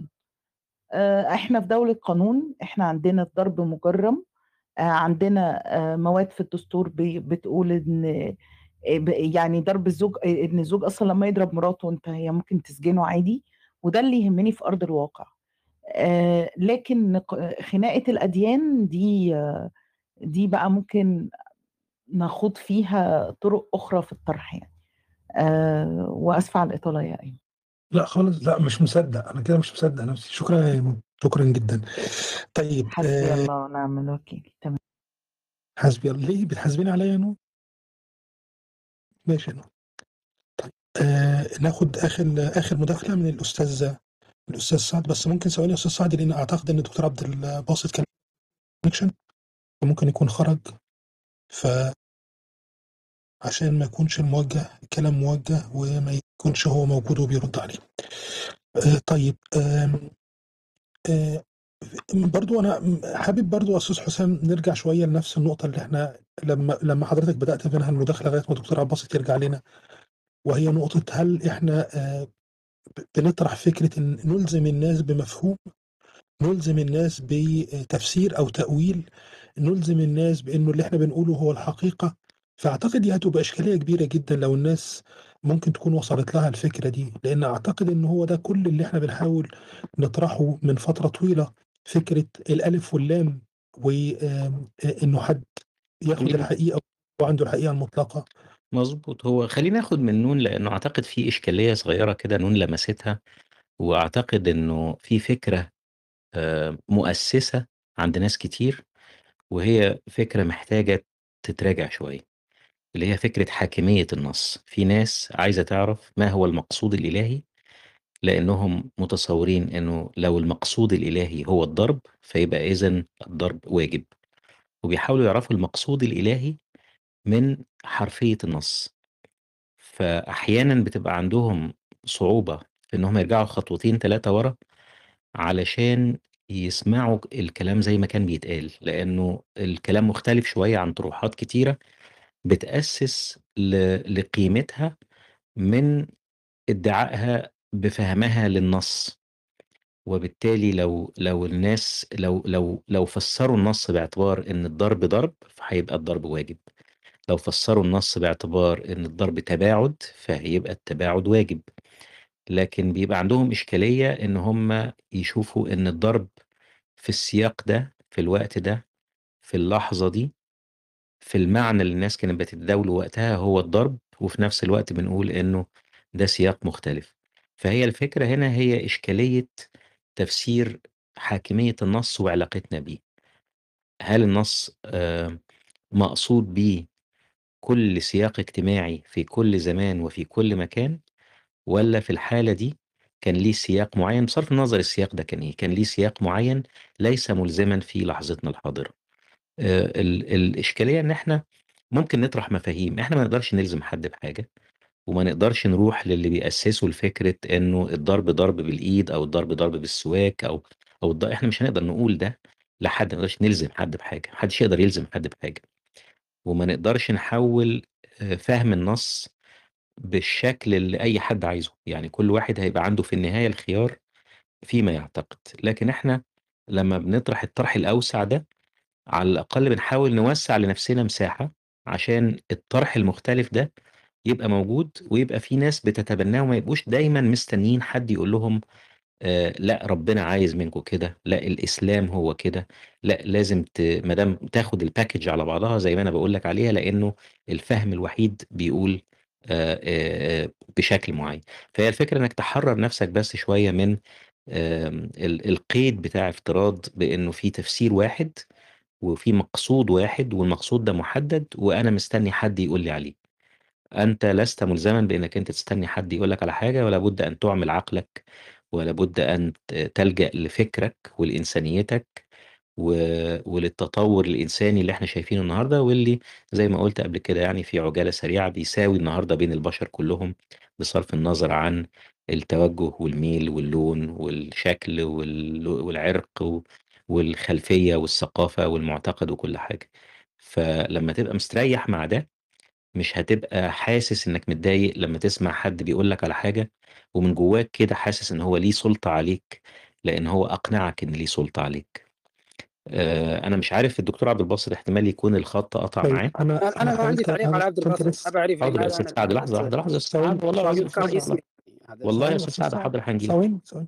بُص يا أستاذ حسام أنا حاولت أتواصل تليفونيًا، أعتقد إنه ممكن التليفون يكون فصل شحن، لإن أنا باكلمه مش مش إنترنت، فممكن يكون التليفون فصل شحن أو في عنده حاجة، فأنا باقترح إن ممكن ننتظر دقيقتين 3 كمان، ولو ما قدرناش نوصل له ممكن نقفل الغرفة لغاية ما نطمن عليه، يعني فعليًا أنا مش قادر أوصل له، لا ما أو مش قادر أوصل. أعتقد إن إحنا عندنا الأستاذ سعد أنا هنسمع أنا ما الطرح عندي بتاعه. تعليق آه. أساسًا على عبد الباسط، لماذا أنا يذكر اسمي حاضر والله العظيم هت اتفضل يا أستاذ سعد باقول لك أنا لا، باقول لا، حسب الأستاذ خلّيني سعد. أعلّق هذا تمييز يعني، أنا والله صراحةً والله ما لماذا أستاذ شخصيًا سعد أنت دايمًا عندك مظلومية تعليق أنا ي أنا يس في أي غرفة أكون موجود فيها، فاسمح لي أدّي لك الدور عشان تعقّب، وبعدين بعد كده هنشوف هن إذا كان في تعقيبات سريعة من الناس، وهنقفل الغرفة لو الأستاذ الدكتور عبد الباسط ما جاش. بس يعني ما يعني مش دا مش لازم كل غرفة أ أكون فيها معاك تقول أنت مش عايزين تدّوني الكلمة، وأنا مش عارف بتميّزوا ضدي والكلام ده كله. طب الكلمة معاك يا أستاذ معلش يا أستاذ أستاذ أول عايز عايز أقول حاجة، أستاذ سعد أنا لمّا حضرتك طلعت أنا كان الدور عندك، قُلت لك هادّيك الكلمة بس الدكتور عبد الباسط ما كانش موجود، فأنا استحييت إن حضرتك هتعمل مداخلة والدكتور عبد الباسط مش موجود يعقّب عليها أو يرُد عليها، وأكيد طبعا حضرتك طالع تقول مداخله للدكتور عباس أكيد مش ليا أو الأستاذ حسام. فعشان كده كنا منتظرين بس إن أنا حاولت أتواصل مع الدكتور عباس. ولما وصلت أنا فعليا مش عارف أوصل له قلنا خلاص هناخد مداخلة حضرتك. يعني الأمور أبسط من كده بكتير يعني. لأن حضرتك هتعمل مداخلة هتتفضل تتفضل من المداخلة. هتكون محتاج إن الدكتور عباس يشتبك أو يتعقب أو يتكلم معاك وهو مش موجود. فاتفضل مع حضرتك المايك ثلاث دقائق مع حضرتك اتفضل يا أستاذ. اولا أشكرك. شكرا جزيلا. النقطة الثانية أنا لا أعرف لماذا توقعت أنني سأعلق على عبد الباسط. أنا لم أقل لك أني سأعلق على عبد الباسط. أستاذ لا سعد بالضروره الميكروفون يا أستاذ سعد. أرجوك استغل طيب خليني أحكي ما أريد أنا عندي ثلاث دقائق خليني أستخدمها ما في عشان بس الم- المقدمات دي ملهاش الحقيقة. أنت لا معاك لا الميكروفون علق براحتك أقول عليا أقول ما أقول أو على أو على عشان أنا عبد الباسط بالمناسبة خليني أشكره هو مش موجود. هو الوحيد اللي طيب. رفعني بعد ما أنا رافع يدي قبل كثير من الشباب اللي سماهم إيمن بالذكوريين. أنا رافع يدي قبلهم كلهم وإن كنت أنا أتحفظ على هذا المصطلح عندما هو قال خليني لا أنا آسف ما كانش قصدي طبعا كده بس طيب فعبد الباسط سدالي معروف ورفعني جزاه الله خيرا. فخليني بعد اقولها للأمانة يعني وبعد ما كتبت له رساله شخصيه وأنا ليس بالضرورة لا أختلف معه ولا عندي تعليق عليه شخصيا. فلا أعرف لماذا بالضبط لما يصلني الدور يقول لا لا خلينا ننتظر حتى عبد الباسط خلينا اولا نعلق تعليق وأنا أعتقد إني قلت البارح لما كنا مع الأستاذ سكري في غرفة صغيرة جدا وربما الأستاذ سكري وهذا هنا على سبيل المزاح يعني وليس على سبيل الجد اختار عن النوم. النوم طبعا سلطان كما يقال. أنا الفكرة لدي أنه وهذا قلت البارح وسأعيد الآن موضوع ضرب المرأة ده دي مواضيع ثقافية ليست مواضيع دينية. ويغلب فيها المجتمع وثقافة المجتمع على النص. النص حيادي. النص ليس مع أحد وليس ضد أحد من حيث المبدأ. ولكن ثقافتنا كمجتمع سلوكنا كمجتمع خلفياتنا الثقافيه تقاليدنا عاداتنا هي اللي توجه هذا النص وتبرر السلوك به. وبما أن عندي فقط وقت ضيق جدا ضربت أمثلة كثيرة. قلت إن النساء في الصحراء الكبرى أو ما يسمى صحراء الملثمين. لا يمكن لأي رجل أن يفكر حتى في رفع صوته على المرأة أحرى أن يضربها أساسا. وقلت إنه في جنوب المغرب أو الصحراء الغربية المؤمنين بها لا يمكن لأي رجل أن يفكر في هذا الشيء. نهائيا لأنه مرفوض اجتماعيا قبل أن يرفض قانونا مع انها مجتمعات متدينة ومجتمعات مسلمة ولم ترى أن هذه الآية تستوجب أي شيء تجاهها قلت إنه في الطوارق قبائل الطوارق عندهم نفس الشيء. بما فيها أولئك الذين منهم في في في أجزاء من من النيجر وأجزاء من مالي وأجزاء من من من, من ليبيا. بينما في مجتمعات ثانية قوانينها تنص على ما يسموه آه، العذر المخفف. الرجل الذي يقتل زوجته أو بنته لأنها كانت تمارس ما يسموه هم الفاحشة فكان تحت ثوره الغضب فقتلها فيخفف عنه ويستفيد من هذا الحكم ثلاث سنوات ثلاث سنوات. أنا في رأيي هذا عنصريه وتمييز ضد المرأة ولكن هذا السلوك اجتماعي. لا تجيب لي النص مع علاقة النص به أكثر من ذلك النص يقول مثنى وثلاثة وأربعة. قلت لك إنه في مجتمعات عادات لا تقبل بالتعدد ويروا احتقار للمرأة ويروا احتقار لعائلتها. فيأتون بشروط تكتب في كل عقد لا سابقة ولا لاحقة وإلا فأمرها بيدها. بعبارة أخرى لن تتزوج علي ولست متزوجا قبلي. وإن أخللت بأي من هذين الشرطين فأنا أطلق نفسي بنفسي، لست بحاجة إلى قاضي، لست بحاجة إلى أن تقول لي طلاق، وهي مجتمعات مسلمة 100% ولا بإمكان أي واحد يزايد عليها دينيا. ولكن في مجتمعات آخر بدل هذا الشرط يحط مؤخر شقة. في مجتمعات ثانية أنك تضع شقة في في أو شيء للمؤخر سواء كان مادي للمرأة هذه يعتبروه إنه إنه تسليع للمرأة وعيب عندهم. أنا أعرف عائلات لو جيتم بنتك وقلت لهم خلوني أكتب لكم مؤخر هذا إذا لم يرتكبوا جريمة قتل فسيقاربون من ذلك لأنه يعتبرون هذا احتقار لبنتهم. البنت ليس لا توزن بالذهب ولا توزن بالفلوس فالموضوع ثقافي ويناقش في إطار ثقافي. النقطة الثانية وهذا تعليقي هنا على الأستاذ السكري معلش أستاذ سعد عندما 30 ثانية لو سمحت بعد إذن حضرتك طيب عندما قال الاستاذ السكري إن الإشكال في الضرب هل هو هل هو ضرب ضرب أو ضرب يعني الابتعاد وإلى كذا كذا فإذا كان هذا أو هذا فهو يعني واجب. هذه هي القراءة التقزيمية للأسف للحكم الشرعي. الواضح إنه الشخص هذا لا يحترم مراتب الحكم الشرعي لأنه ليس كل أمر في القرآن حتى عند الأصوليين يعني الوجوب قد يعني عدم الاستحسان قد يعني الانداب قد يعني السنة قد يعني أي شيء فهذه القراءة أنا أرى أنها غير موضوعية وتقفز على الأكاديمية وأحيانا لا تخلو أيضا من استحقار للمتلقي. إذا لم أحترم المتلقي بأن اعطيه معلومة غير دقيقة وابسطها كما لو كان عليها اتفاق أو كما لو كانت معلومة موضوعية مبحوثة اكاديميا فأنا في الحالة هذه لا أحترم المتلقي. أعتذر الوقت ضيق جدا آه، ولكن آه، هذه كانت وجهة نظري باختصار وأتمنى لو أتيحت فرصة ثانية لنناقش الموضوع هذا بطريقة موضوعية بعبارة أخرى نناقش من زواياه الاجتماعية ليس فقط الدين. يعني انزعجنا من هذا الدين. طبعا الدين والله في كل شيء وجزء منه تضيف للأسف الممارسات الذكورية ضد المرأة في منطقتنا. شكرا جزيلا أستاذ إيمن.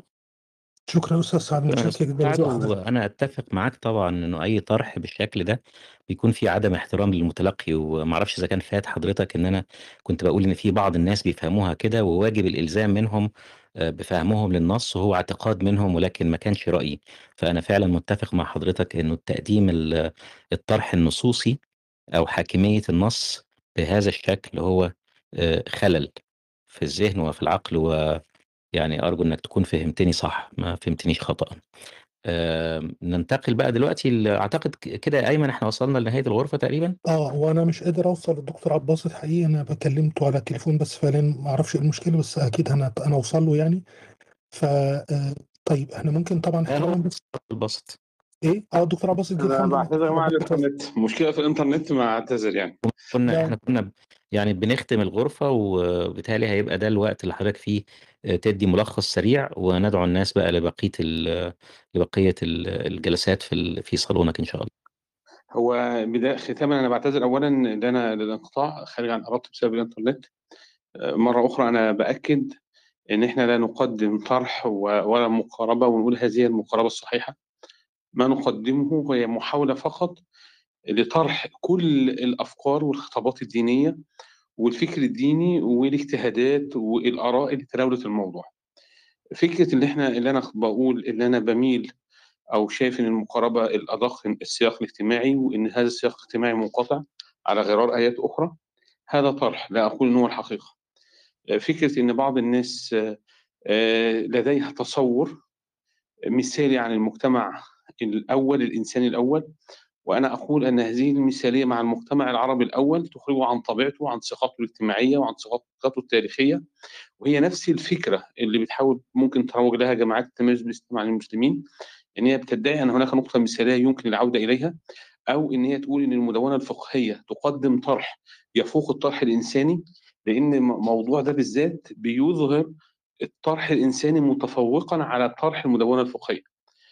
وأنا هنا أنا لست ضد ولست مع على على طول الخط ولكن إحنا بنتناول القضايا وبنفكر فيها نتفق نختلف بس هو ده الحقيقي إن إحنا عندنا المنجز الإنساني في هذا الموضوع يختلف عن الطرح اللي بتقدمه المدونة الفقهية ويظل ما نقدمه هي مقاربات وإن شاء الله نلتقي في موضوع آخر وفكرة أخرى ونقاش آخر يعني. تحياتي وتقديري ومودتي للجميع. وأنا كنت أتمنى على على كل طرح وأتناقش مع كل طرح بس هي ظروف الوقت وانقطاع الإنترنت هو الأعاق يعني. شكري جدا وتقديري شكرا دكتور عباسط وأحب تاني آه، أوضح إنه ال link اللي فوق Linktree اللي فوق آه، في آه، بعض المقالات اللي تم ال- العروض عليها النهارده أو اتكلمنا عنها كمان ال- القناة الرسمية للدكتور عبد الباسط على اليوتيوب الحساب الرسمي على تويتر وحساب النادي على تويتر وبعض الكتب والمقالات اللي تم ذكرها النهارده في ال- في الحلقة موجودة في ال link اللي فوق Linktree. وإحنا لقائنا الاسبوعي يوم الجمعة الساعة 9 بتوقيت القاهرة ولكن هو اللقاء ده كان آه، لزخم الموضوع اللي بيطرح حاليا على الساحة فعشان كده الدكتور عباسط آه، قرر إن هو يعمل حلقة استثنائية في وسط الأسبوع. أنا أحب أشكر كل السيدات اللي شاركوا معانا طبعا آه، كلهم وكل كل السادة اللي شرفونا على المنصة شكرا لكم جميعا ونلتقي يوم الجمعة الساعة 9 إن شاء الله بتوقيت القاهرة طبعا بكرة في عندنا